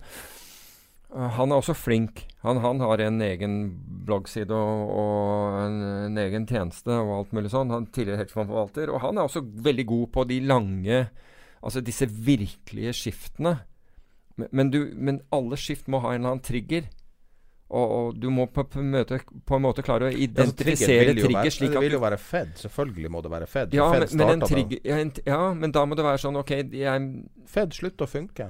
Det, det vil være triggeren. Altså, det må jo være triggeren. Ja, men, hvis, men, men, men, hele men får du da et, får, vil du da få et signal på at Fed, Fed slutter å, å funke? Slik at du kan ta Så du sier Vet du hva, jeg venter på denne her. I det øyeblikket jeg ser det signalet, hvis du klarer det Altså, så da Ja, kommer jeg, da kanskje jeg til å er eksekvere. Ja, men jeg tror kanskje vi allerede er der. Ja, men det kan, det kan hende at du har rett. Altså, poenget mitt er at jeg har at Ja, men se nå på renteavgjørelsene nå når vi har på intradag. Så ser du at uansett hvor mye de stimulerer, så er det ikke godt nok. Og folk bare vil ha mer og mer og mer. Og mer Ja, Og så ser du markedsreaksjonen er Det er riktig, og deltaen har, har falt, men deltaen har vært fallende på det i lang tid. Men jeg er jo i utgangspunktet ser jo Jeg, jeg kunne sagt det for to år siden. Jeg jeg, jeg var jo negativ til, eh, til eiendom i 2005, så jeg har jo tatt feil masse. mm. Så det er ikke det, altså. Ja, altså, og det ville gjøre deg ekstremt vondt hvis du satt short eiendom fra, fra 5 til 19. Så, så altså, det er jo lett å være negativ. Det er så utrolig attraktivt å være pessimist. Det er attraktivt å være jeg, ja, jeg tenker ikke sånn. Jeg syns det, det er lett å være kontrær i, til tider. Ingen vil høre Jeg- jeg en sånn jeg- solskinnshistorie. Alle vil høre hvordan jorda går under, men den går jo ikke under. Ja, men jeg, jeg, jeg tenker jo ikke Nei, det gjør den ikke. Men jeg tenker ikke liksom i sånn I, i, i sånn derre dystre baner. Jeg, jeg ser etter når jeg mener at noe har gått for langt. Jeg, altså, det noe Det kan gjerne, like gjerne være til nedsiden. Jo, men we, WeWork var jo triggeren, hvis man skal trekke noe. At, at galskapen Ja, men, men slutt. Kanskje. Kanskje når vi ser til- Softbank ja, og WeWork. Softbank er i Ja, alt. det kan være at du har rett. Kanskje når vi ser tilbake på det, så kommer vi til til- Er det akkurat det der? Og Pet- da var det Pets.com, husker du var det Ja. Men da var det definitivt ikke meg, men det, da var det du som var den som, som så det på, på, på WeWorks. Fordi altså, jeg hadde ikke noe forhold til det engang, før du begynte å, å, å nevne selskap og liste opp. Du, altså, det raste jo ut av deg. Eh, grunner til at, at det der ikke skulle, skulle eh, gå bra. Men det og var du bare hadde at du ikke hadde lest om det. Det er eneste grunnen. Fordi at Hvis du leser om det i ti minutter, så ser du at det her er svindel. Ja, men greiene er at du Altså, det er jo din evne. Du, du, du, du Ja, men har de ingen tingene å se evne på. som trader. Null. Nei, har ingen evne til å får ja. Men derfor, derfor var Så spørsmålet var hvis man skulle konstruere uh, The Big Shit Short, som da selvfølgelig må La oss bare kalle det BS, BSS. ja. Heretter kalt. Men det er liksom For det er så mye Og jeg husker det. Jeg, jeg har en venn som er sånn eh, venture-investor. Så husker jeg det og snakka med han for mange år siden. Så man snakka om et eller annet sånt firma som han har investert i. Så sier han men det her er jo bare drit. Alt er jo bare drit. Og så sier han nei, men det, det liksom kan exit og kan flippe alt sånt. Han brydde seg ikke om at det var drit. Alt han investerte i, hadde ikke omsetning. mm. Og så alt han investerte, var sånn, sånn tull. Sånn, sånn bortkasta tid. Altså uten sammenligning for øvrig, men tenk deg liksom emojier eller sånn der nivå på investeringen. At du klarer å selge det, du klarer å tjene penger, men du bidrar ikke noe til verden. Det er null. Men, men, Null men se, altså, sett opp en liste av BSS-er for meg, så skal, jeg, så skal jeg se på muligheter for å, for å shorte disse her uten at det går helt til helvete. Men altså, det er jo, det er jo som du var inne på Min Altså- favorittmåte er det her. Se på skjermen, da. Eh, Yahoo Finance setter opp alle ting på ei side. Alle sider har det her, men de gjør det på en fin måte. Og ser, ser du den her, Financials. mm. Sånn ser det ut. Alle som ser sånn ut. Okay. Veksende, veksende omsetning og voksende tap. Ja. Alle ser sånn ut. Mm. Det er bare drit, med mindre de blir kjøpt opp. Og det er liksom Spotify og det er alt mulig. Men så må du ha Du må jo beskytte deg for oppkjøp. Egentlig. ja, det var akkurat det der. Og ikke bare det, men altså ta f.eks. Tesla, da. Så Spotify også. Samme Ja, ja men, men ta f.eks. Uh, Tesla, hvor uh, Skal vi gå til Tesla nå og ta, og hoppe over? Nå er vi, det er den lengste episoden med god ja, da, margin. altså. ja, da bør vi definitivt Fordi vi bør vel gå til Tesla. Ja. Hvis vi skal ta med Tesla i dag, så må vi nesten ta den nå. På discorden som du finner på tidepenger.com, eller direkte via Discord-appen, eh, så la jeg ut uh, I den Tesla-kanalen så la jeg ut um, Det var veldig spesielt. Um, der Zero Hedge, som er en kjent uh, Twitter-bruker og blogger, la ut noe om et, et hedgefond Jeg lurer på om det var hedgefondet til David Einar. Ikke sikker. Men jeg, ja, det, det var det nok sikkert. Greenlight Capital. Ja. Det var, det var, det var fall la ut en, en story om, om det. Og en av de første kommentarene kom fra Elon Musk. Og det var 'Major hedge fund capitulate on Tesla short'. Og så svarer Elon Musk med Det er en sånn kysse-emoji med et hjerte på. Der han eh, gjør narr av eh, Gjør narr av eh, David Einhorn sin assets under management, som har falt fra 15 til 5 milliarder dollar. Og eh, samtidig inviterer han til Tesla og sier at det er ikke noe rart. Jeg skjønner at du er lei deg for at du har tapt så mye penger og sånn. Han går etter kanskje den smarteste forvalteren, i hvert fall ikke langt unna. Det er skum, skummel, eh, skummel person å begynne å, Ja. å tirre. David Einhorn har lenge vært short Tesla, og så svarer han på Twitter eh, Han hadde en konto som han ikke hadde skrevet på ett år. Og så svarer han med å latterliggjøre Tesla, som har akkumulert et tap på 6 milliarder dollar. Eh, og han sier på tross av milliarder i subsidier. Eh, han påpeker også at han har tjent investor, eh, penger for investorer hvert eneste år, i motsetning til Tesla. Eh, de har holdt på siden 96. Eh, og så sier han at han stiller spørsmål med finansene, og han vil gjerne møte dem med CFO, som han navngir også. Og det er jo også en person som er litt omstridt. Han er, og så stiller han, så stiller han da spesifikt spørsmål med account receivable til Tesla, som er på 1 milliard dollar. Eh, en en uendra post, som også er uvanlig at man har store accounts receivables. Og Hvis du er en bilprodusent, så får du penger når du selger bilen. Og han skjønner ikke hvorfor det er store receivables. Uh, det her er ganske sjelden du ser en sånn fight uh, i offentlighet. Men David Einhorn har hatt lignende fighter tidligere. Ikke minst med Lehman. Ja. Ja. Han, Og hatt rett. Jeg bare var- nevner det. han, han gikk short Lehman Brothers i sommeren 2017. Og i april 2018 offentliggjorde han den shorten og anklaga CFO-en til uh, uh, han, han er flink med tall. Han anklaga CFO-en til Lehman for å uh, lyge. Mm. De gikk i De gikk i samtaler, litt lignende som han legger opp til her. Og da latterliggjorde eh, eh, Jeg tror det heter Kellan, som var i Lehman Brothers, uh, og, og fikk sparken noen uker etterpå. Og Lehman gikk konkurs uh, ca. et halvt år etter han offentliggjorde den shorten. Nå har han vært short Tesla lenge, og det har vært offentlig lenge. Nå er han jo veldig kjent pga. den Lehman Brothers-saken. Men han er ikke en dum person. Mm. Og han kan lese et regnskap. Og det er veldig mange som stiller spørsmål med tallene som avviker på unormale måter. Altså etter den Solar City-saken, så altså så, så forbauser ingenting meg når det gjelder, eh, når det gjelder Musk og, og, og, Tesla. Og da tenker jeg på den presentasjonen som da ble holdt på altså av Solar City, som ble holdt på ikke i, i, i lokalene til Solar City, men på Universal Studios, hvor det viste seg at Desperate Housewives sett ja, hvor det viste seg at alt var bare var fabrikkert. Det, det, altså, det, ting funka ikke.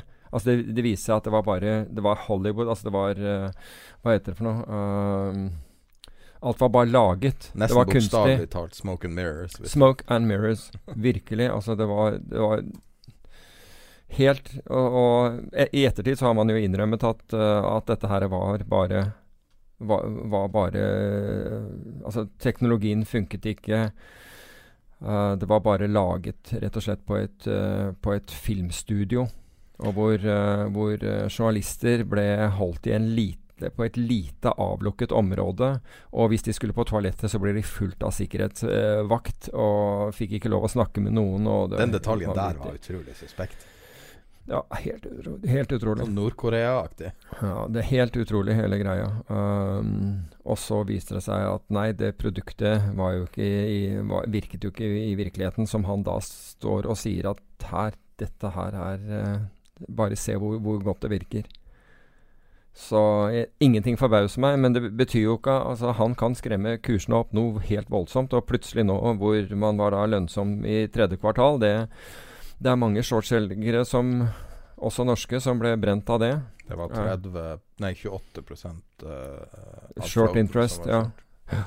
Så du kan jo tenke deg det. Men så det er jo ikke Så, så tilbake til det du sa om uh, Var det Snap? Ja, men var det den du sa at man måtte være, den var for liten? Altså plutselig kunne du Ja, ikke sant? Og, og man skal være Og i hvert fall hvis du skal ha en Være eksponert uh, til oppsiden. Altså med andre ord, hvis du skal shorte et eller annet lineært eller ha risiko hvis det, det plutselig stiger, så kan det gjøre vondt. Altså man må forstå at her er det Du kan ha helt rett i din, din, øh, din analyse av, av selskapet, men allikevel bli båret ut. Jo, men altså, Hvis du, det er ingen som klarer å kjøpe Tesla med for stor. Det er ingen som gjør et oppkjøp på 58 milliarder dollar. Det er for mye. Nei, nå, nå, ja, nå snakket jeg om, om, om Snap, som du refererte til. Men når, når, det gjelder, når det gjelder Tesla, så har han klart å få kjørt Altså, når du kjører opp en aksje to, rundt 30% på to dager altså, du skal ikke være, altså, Hvis du er short den, og blir med på, og blir med på den der turen der og ikke har stopplåser og ikke har noen mulighet, det, det gjør vondt. Men er husker du hvordan Enron Stock eh, aksjechartet ser ut på veien ned? Det er ikke rett ned. Nei, det er, det er veldig sjelden det når, når ting først uh, Altså, når ting går over ende, så har du en lang periode hvor, hvor du har høy volatilitet, og det, det vipper og herjer og holder på Jeg før ser på chartet her nå. Ja, vi- ja, det ligner litt på Ja, det men det, hvis, hadde det vært semilog, hadde det vært logaritmisk chart, så hadde du sett når det der falt av, av klippen. For, for da øker det. Men, uh, men du viste et aritmetisk chart her, det var derfor. Men poenget mitt er at logaritmisk. Nei, men altså du ser det mye bedre i et, i et logchart. Hvordan Altså Til å begynne med er det veldig tøft å være short, fordi det kommer altså, reaksjoner oppover. De er brå og brutale. Og det er derfor jeg sier at det er minst Altså ideen er, er, Altså kvaliteten av ideen er selvfølgelig antageligvis viktigst, men altså tett oppunder i viktighet er at du posisjonerer deg riktig for at du kan håper jeg, nyte godt av, um, av uh, å ha rett. For gjør du det feil, så kan du ha, ha, er ideen din fullstendig riktig, men du går konkurs. Det er, det er, ikke, et bra, det er ikke en bra kombinasjon. Ja, det er jo den klassiske Altså, de siste årene, altså tenker på å være, altså, være bearish, er jo eh, Hva heter det pyramideselskapet som ikke Som da juridisk ikke er et pyramideselskap? Herbalife. Mm. Jeg husker ikke hvem eh, det var. det uh, David Nei, ikke han. Nei, det er uh, Nå står det stille for meg, men jeg kom, uh, Bill Ackman. Bill Ackman, ja. Og det var jo Altså, hele verden si, var jo enig om med det han sa. Men det er ikke nok å ha rett, på en måte. Rett i anførselstegn. Nei. Og han var jo avhengig også av regulatoriske ting, som kanskje var hans uh, undoing. Han, han undervurderte hvor, uh, hvor vanskelig det er å få regulatoriske ting til å skje. Nå, ja. Nå, nå har han jo blitt uh, i hvert fall kommet skikkelig tilbake i år. Da. Han- var vel opp rundt 50% Jeg husker ikke, jeg har ikke fulgt med nå helt i det siste, men jeg finner det sikkert. Jeg skal fortelle deg en ting som, som er sterkfallende, og det er, uh, det er aksjene på, på sånne high frequency traders. Ja. Virtue, flow traders og alle disse her. Og det er rett og slett at uh, for mye konkurrenter inne, inne, kostnadene per, eh, per trade blir Altså per gevinst blir, uh, blir mindre og mindre. Har ikke det vært en trend siden tolv? Nei. Men nei, ikke så lenge som tolv, men det har vært en trend siden jeg vet ikke, tre-fire år. Ja. Men lenge, i hvert fall. Ja. Jeg jeg har Jo, men, men nå ser du virkelig altså nå, Du ser det i tallene. Man, man ser jo Ja, men nå ser man liksom at uh, noen av disse har blitt halvert i år. Altså av disse børsnoterte. Selv om de gjør fortsatt store volumer og, og, og den biten der. Men eh, de er jo Altså, jeg så på to av dem, Flow Traders og Virtue, er fortsatt priset på over tre ganger bok.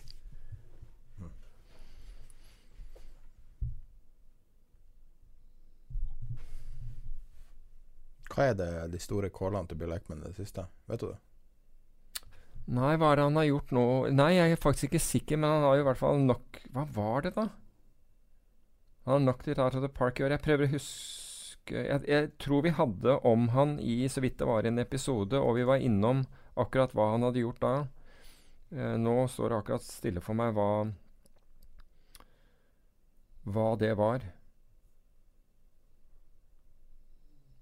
Men year to date så er fondet hans opp 44%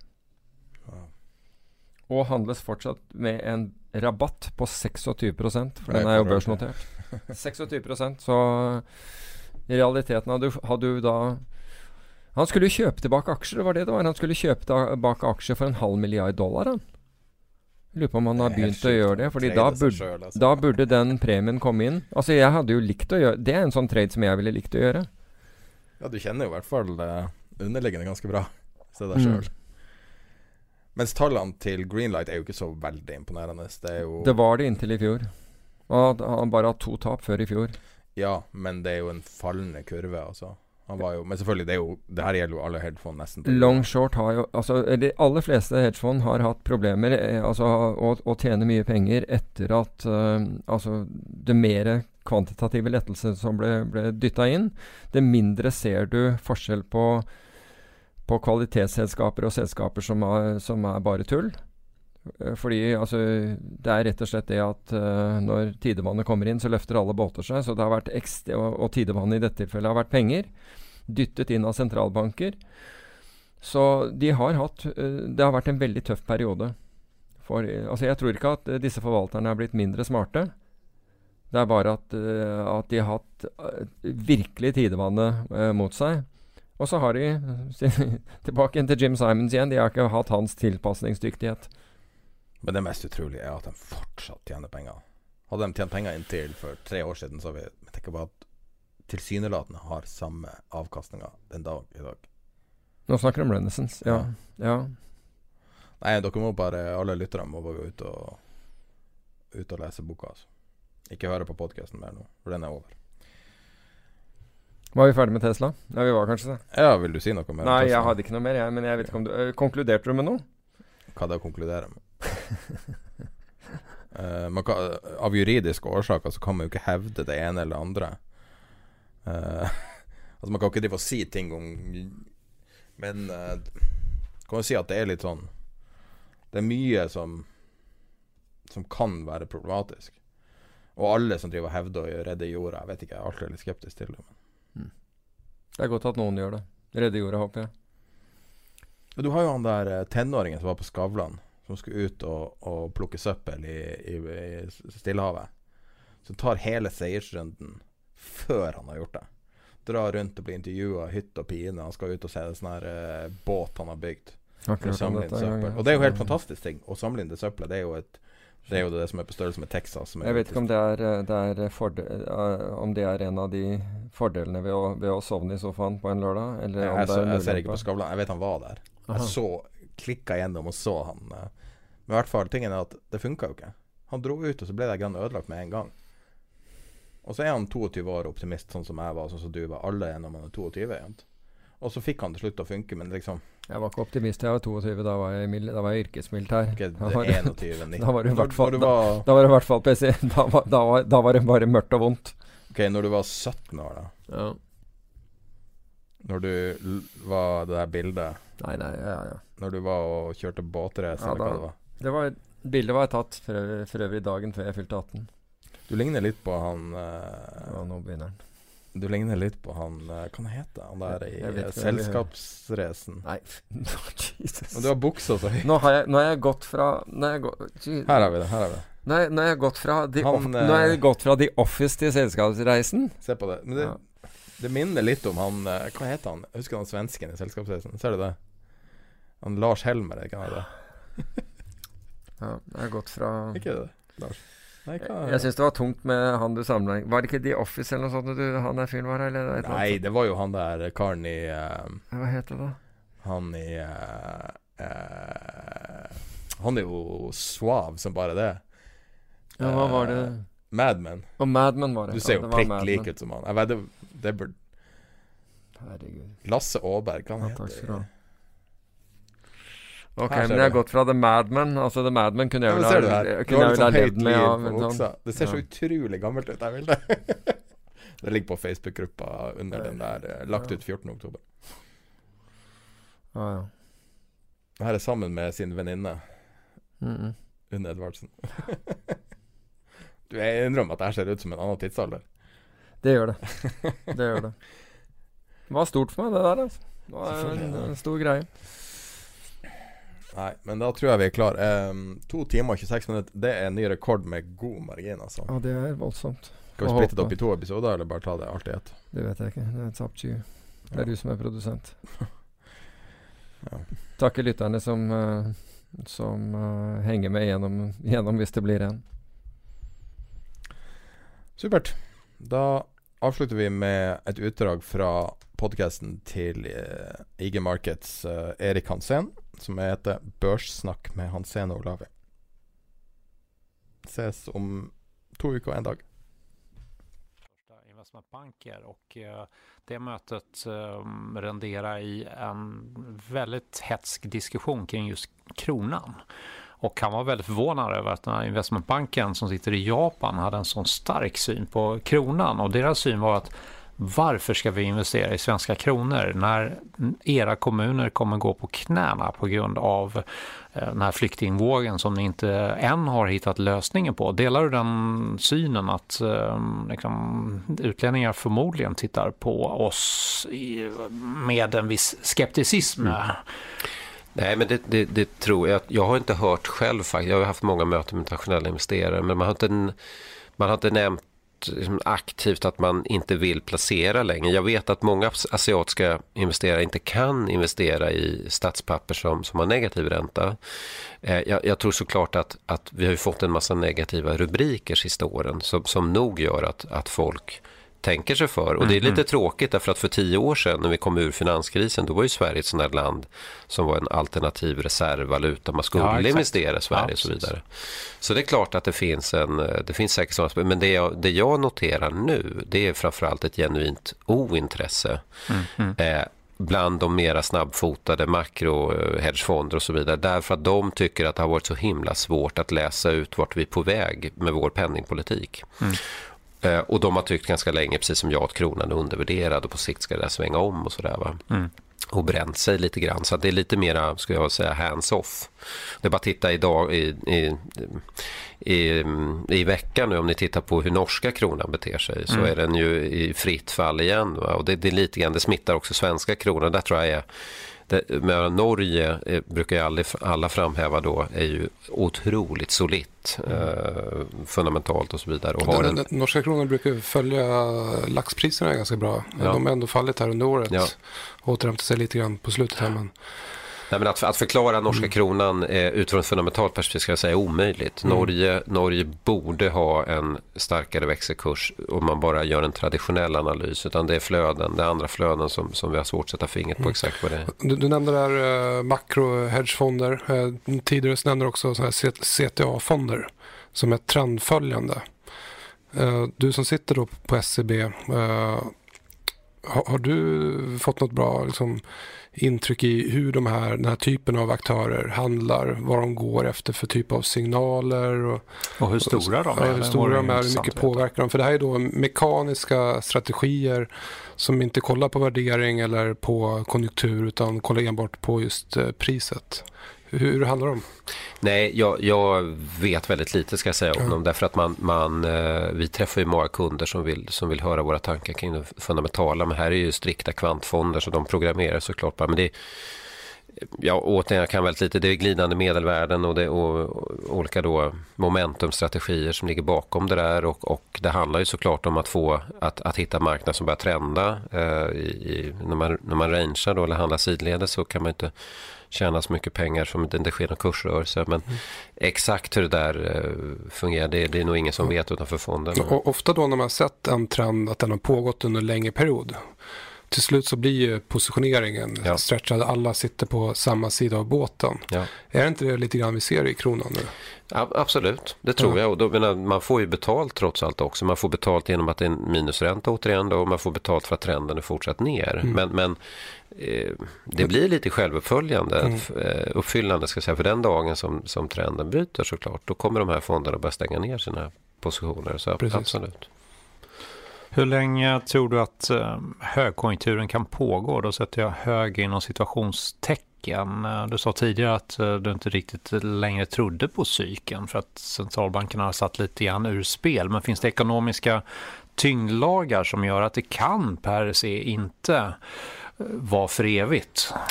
Nej, det kan det ju inte därför att vi får ju kapacitetsbrist och så vidare. Jag menar, vi har ju, mm, alltså de största ekonomierna i världen har ju arbetslöshet nere på 50 års lägsta. Mm så, att, så att vi har pratat mycket om huruvida det blir en efterfrågedriven inbromsning eller en utbudsdriven inbromsning. Så vi kan inte längre producera eh, efter efterfrågan därför att det finns inte arbetskraft att hitta och lite grann så är det väl det vi har sett också. Överraskning där är väl då att vi inte har fått någon inflation via stigande löner som vi brukar få och så vidare. Men, mm. men högkonjunktur eh, och högkonjunktur definieras ju av att vi har ett väldigt högt resursutnyttjande. Vi har ju sett en dramatisk inbromsning på svensk arbetsmarknad även om en del av de eh, siffrorna är fel. Kan, men kan man lita på makrodata? Nej, alltså det kan man ju tyvärr inte då eftersom vi har fel i, i vår um, sysselsättnings AKU-undersökning från, från SCB och så vidare. Så den kommer ju bli reviderad men, men det finns ju andra mått på resursutnyttjande. Eh, och, och de visar ju tydligt på att, att det bromsar in nu. Riksbanken har något de kallar RU-indikatorn som är nästan nere på noll, det vill säga någon form av mm. mer normalt resursutnyttjande. Mm. Eh, men jag tror att de här stora konjunktursvängningarna tror jag lite grann är över. Därför att de har delvis blivit genererade tror jag utav både finansmarknaden som har skapat bubblor och, och sen då centralbanker som har höjt och sen sänkt och så vidare. Och det där tror jag, eftersom att vi är, vi är i ett strukturellt läge där vi kommer ha låga räntor under lång tid så tror jag att det bidrar till en viss stabilitet och, och att det blir mindre slag så länge vi undviker stora obalanser på finansiella marknader. Och där är de flesta också, IMF och så vidare, ganska överens om att vi inte har några väldigt stora obalanser just nu. Vi har Mm. väldigt hög skuldsättning i världen men återigen då, då, då talar ju räntan för att det inte blir någon fara på fara i närtid i alla fall. Där. Men vi, vi kommer ha en låg tillväxt men den kommer vara, fortsätta vara mindre varierande tror jag än, än, än vi sett tidigare. Mm. Ja, om vi börjar runda av samtalet eh, lite grann här så har vi ett par eh, lite mer eh, personliga frågor. Eh, och eh, då har vi en fråga här där eh, om du då kan tipsa en ung ekonomisk intresserad lyssnare som vill göra finanskarriär. Vad har du för tips till en sån? Det är väl att inte bli en sån som jag höll på och, och tänkte jag rakt ut här, det vill säga bara, om jag får säga så, ekonom, utan jag tror att vi, eh, vi ser väldigt tydligt hos oss. Och jag tror det är samma för andra aktörer, att man, vi letar efter folk som är väldigt duktiga på kvant också.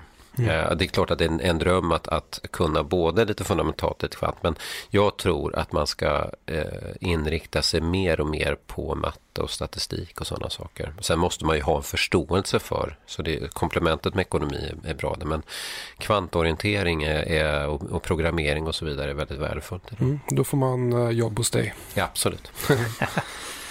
Om vi tar en till fråga där då, ja, vi tänker oss Sverige här nu då. Vad är din största dröm som rör samhället och ekonomin som skulle kunna hända som positiv katalysator inom ja, ett år eller så? Och vad är din största mardröm? Vad får inte gå fel eller fortsätta eskalera på något sätt?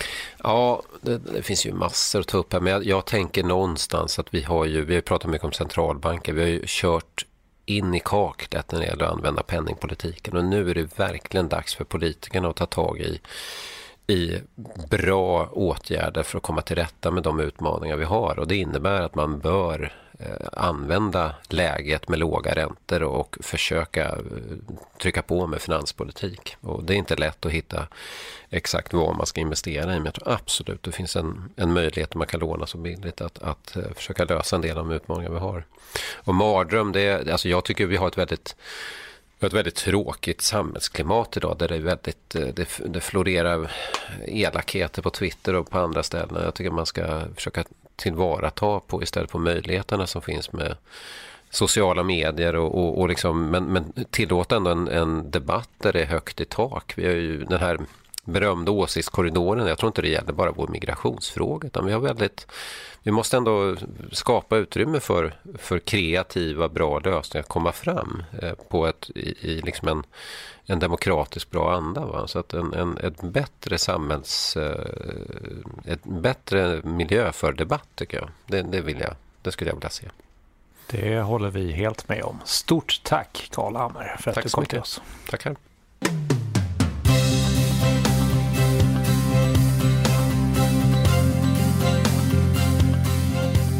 Ja, Jonas, om vi sammanfattar eh, veckans avsnitt, eh, kan du dra några korta punkter? Ja, absolut. Det är att eh, det har gått väldigt starkt. Det har gjort mig lite försiktig. Jag drar lite grann i nödbromsen och går ner lite grann i risk. Du hade några argument med dig varför du ändå ser positivt på utveckling på en till tre månaders sikt, Mm. men att du ändå var lite försiktig. Och de argumenten kan man läsa om i min morgonrapport som går att signa upp på på ig.se. Men det lilla korta perspektivet så ser jag att eh, aktiemarknaden skulle behöva hämta lite andan. Eh, Men det behöver i och för sig inte vara en rekyl utan aktiemarknaden kan röra sig sidledes för att eh, Absolut. vädra ur det överköpta tillståndet. Då. Absolut. Och du nämnde några bolag där. Ja, det gjorde jag i flödet här. Bygg hemma som jag tycker är intressant, bra tillväxtcase eh, som eh, inte många har koll på. MTG som gör en liten, återigen en omstöpning och tar lite nytag. Kan vara intressant för de som har ett lite längre perspektiv. Och eh, SBB, fastighetsbolaget, som jag tycker är intressant trots att den är väldigt dyr jämfört med många andra. Men eh, läs på den där tycker jag om man vill ha en, eh, ett litet komplement i fastighetsportföljen. Mm. Och i veckans eh, samtal med, med Carl Hammer från eh, SCB, eh, vad har du tagit med dig? Ja, det var, vi gick igenom mycket där. Väldigt mm. intressant att förstå, eller försöka förstå dynamiken med kronan kontra um, börsrörelser. Att, uh, det var egentligen lite tvärtom vad vi hade tänkt oss. Att om man då börjar mm. sälja av utländska tillgångar i en normal nedgång, vilket är anledningen för att man har mer utländska innehav, mm. så mm. stärker det kronan. Och det var ju inte vad jag tänkte på. Nej, det är inte den allmänna uppfattningen så vi får se här nästa gång vi får en uh, större korrektion på aktiemarknaden om kronan har en defensiv karaktär. Mm, absolut. Vad um, tog du med dig? Nej, men jag tyckte det var intressant där han pratade om att just de här cyklerna i konjunkturen uh, har suddats ut. Uh, Centralbankerna har kört in i kaklet här när det gäller penningpolitiken och nu är det finanspolitik som behövs. Eh, men att vi kommer se eh, fortsatt eh, låga räntor hos centralbankerna. just de här cyklerna har liksom minskad volatilitet. Mm. Sen också hur han ser på kronutvecklingen. vad de kollar på hos SCB, e de olika mm. faktorerna. Mm. Det är inte bara minusräntan som styr kronans utveckling. Utan Exakt. också en hel del olika typer av flöden som styr kronutvecklingen. Mm. Och tipset också var ju att eh, gå in på deras hemsida och eh, leta upp analysen för den ligger ju öppen och det är ju väldigt generöst av SEB tycker jag att eh, bjuda på det. Så att följ den på nätet och följ Karl Hammer på Twitter tycker jag. Absolut och lyssna på SEBs podd, Makropodden. Just det. Och med de orden så tycker jag vi rundar av. Kom ihåg att de bolag vi pratar om i den här podden inte är några rekommendationer, det är observationer. Du gör din egen analys och fattar dina egna beslut. Stort tack för att du lyssnar på vår podd. Tack och hej. Hej.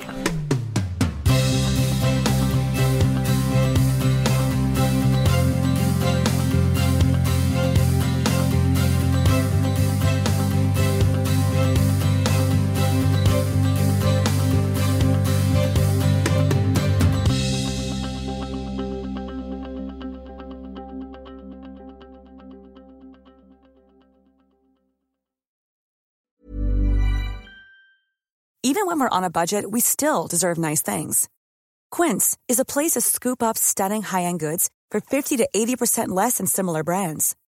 They have buttery soft cashmere sweaters starting at $50, luxurious Italian leather bags, and so much more. Plus, Quince only works with factories that use safe, ethical, and responsible manufacturing. Get the high-end goods you'll love without the high price tag with Quince. Go to quince.com/style for free shipping and 365-day returns.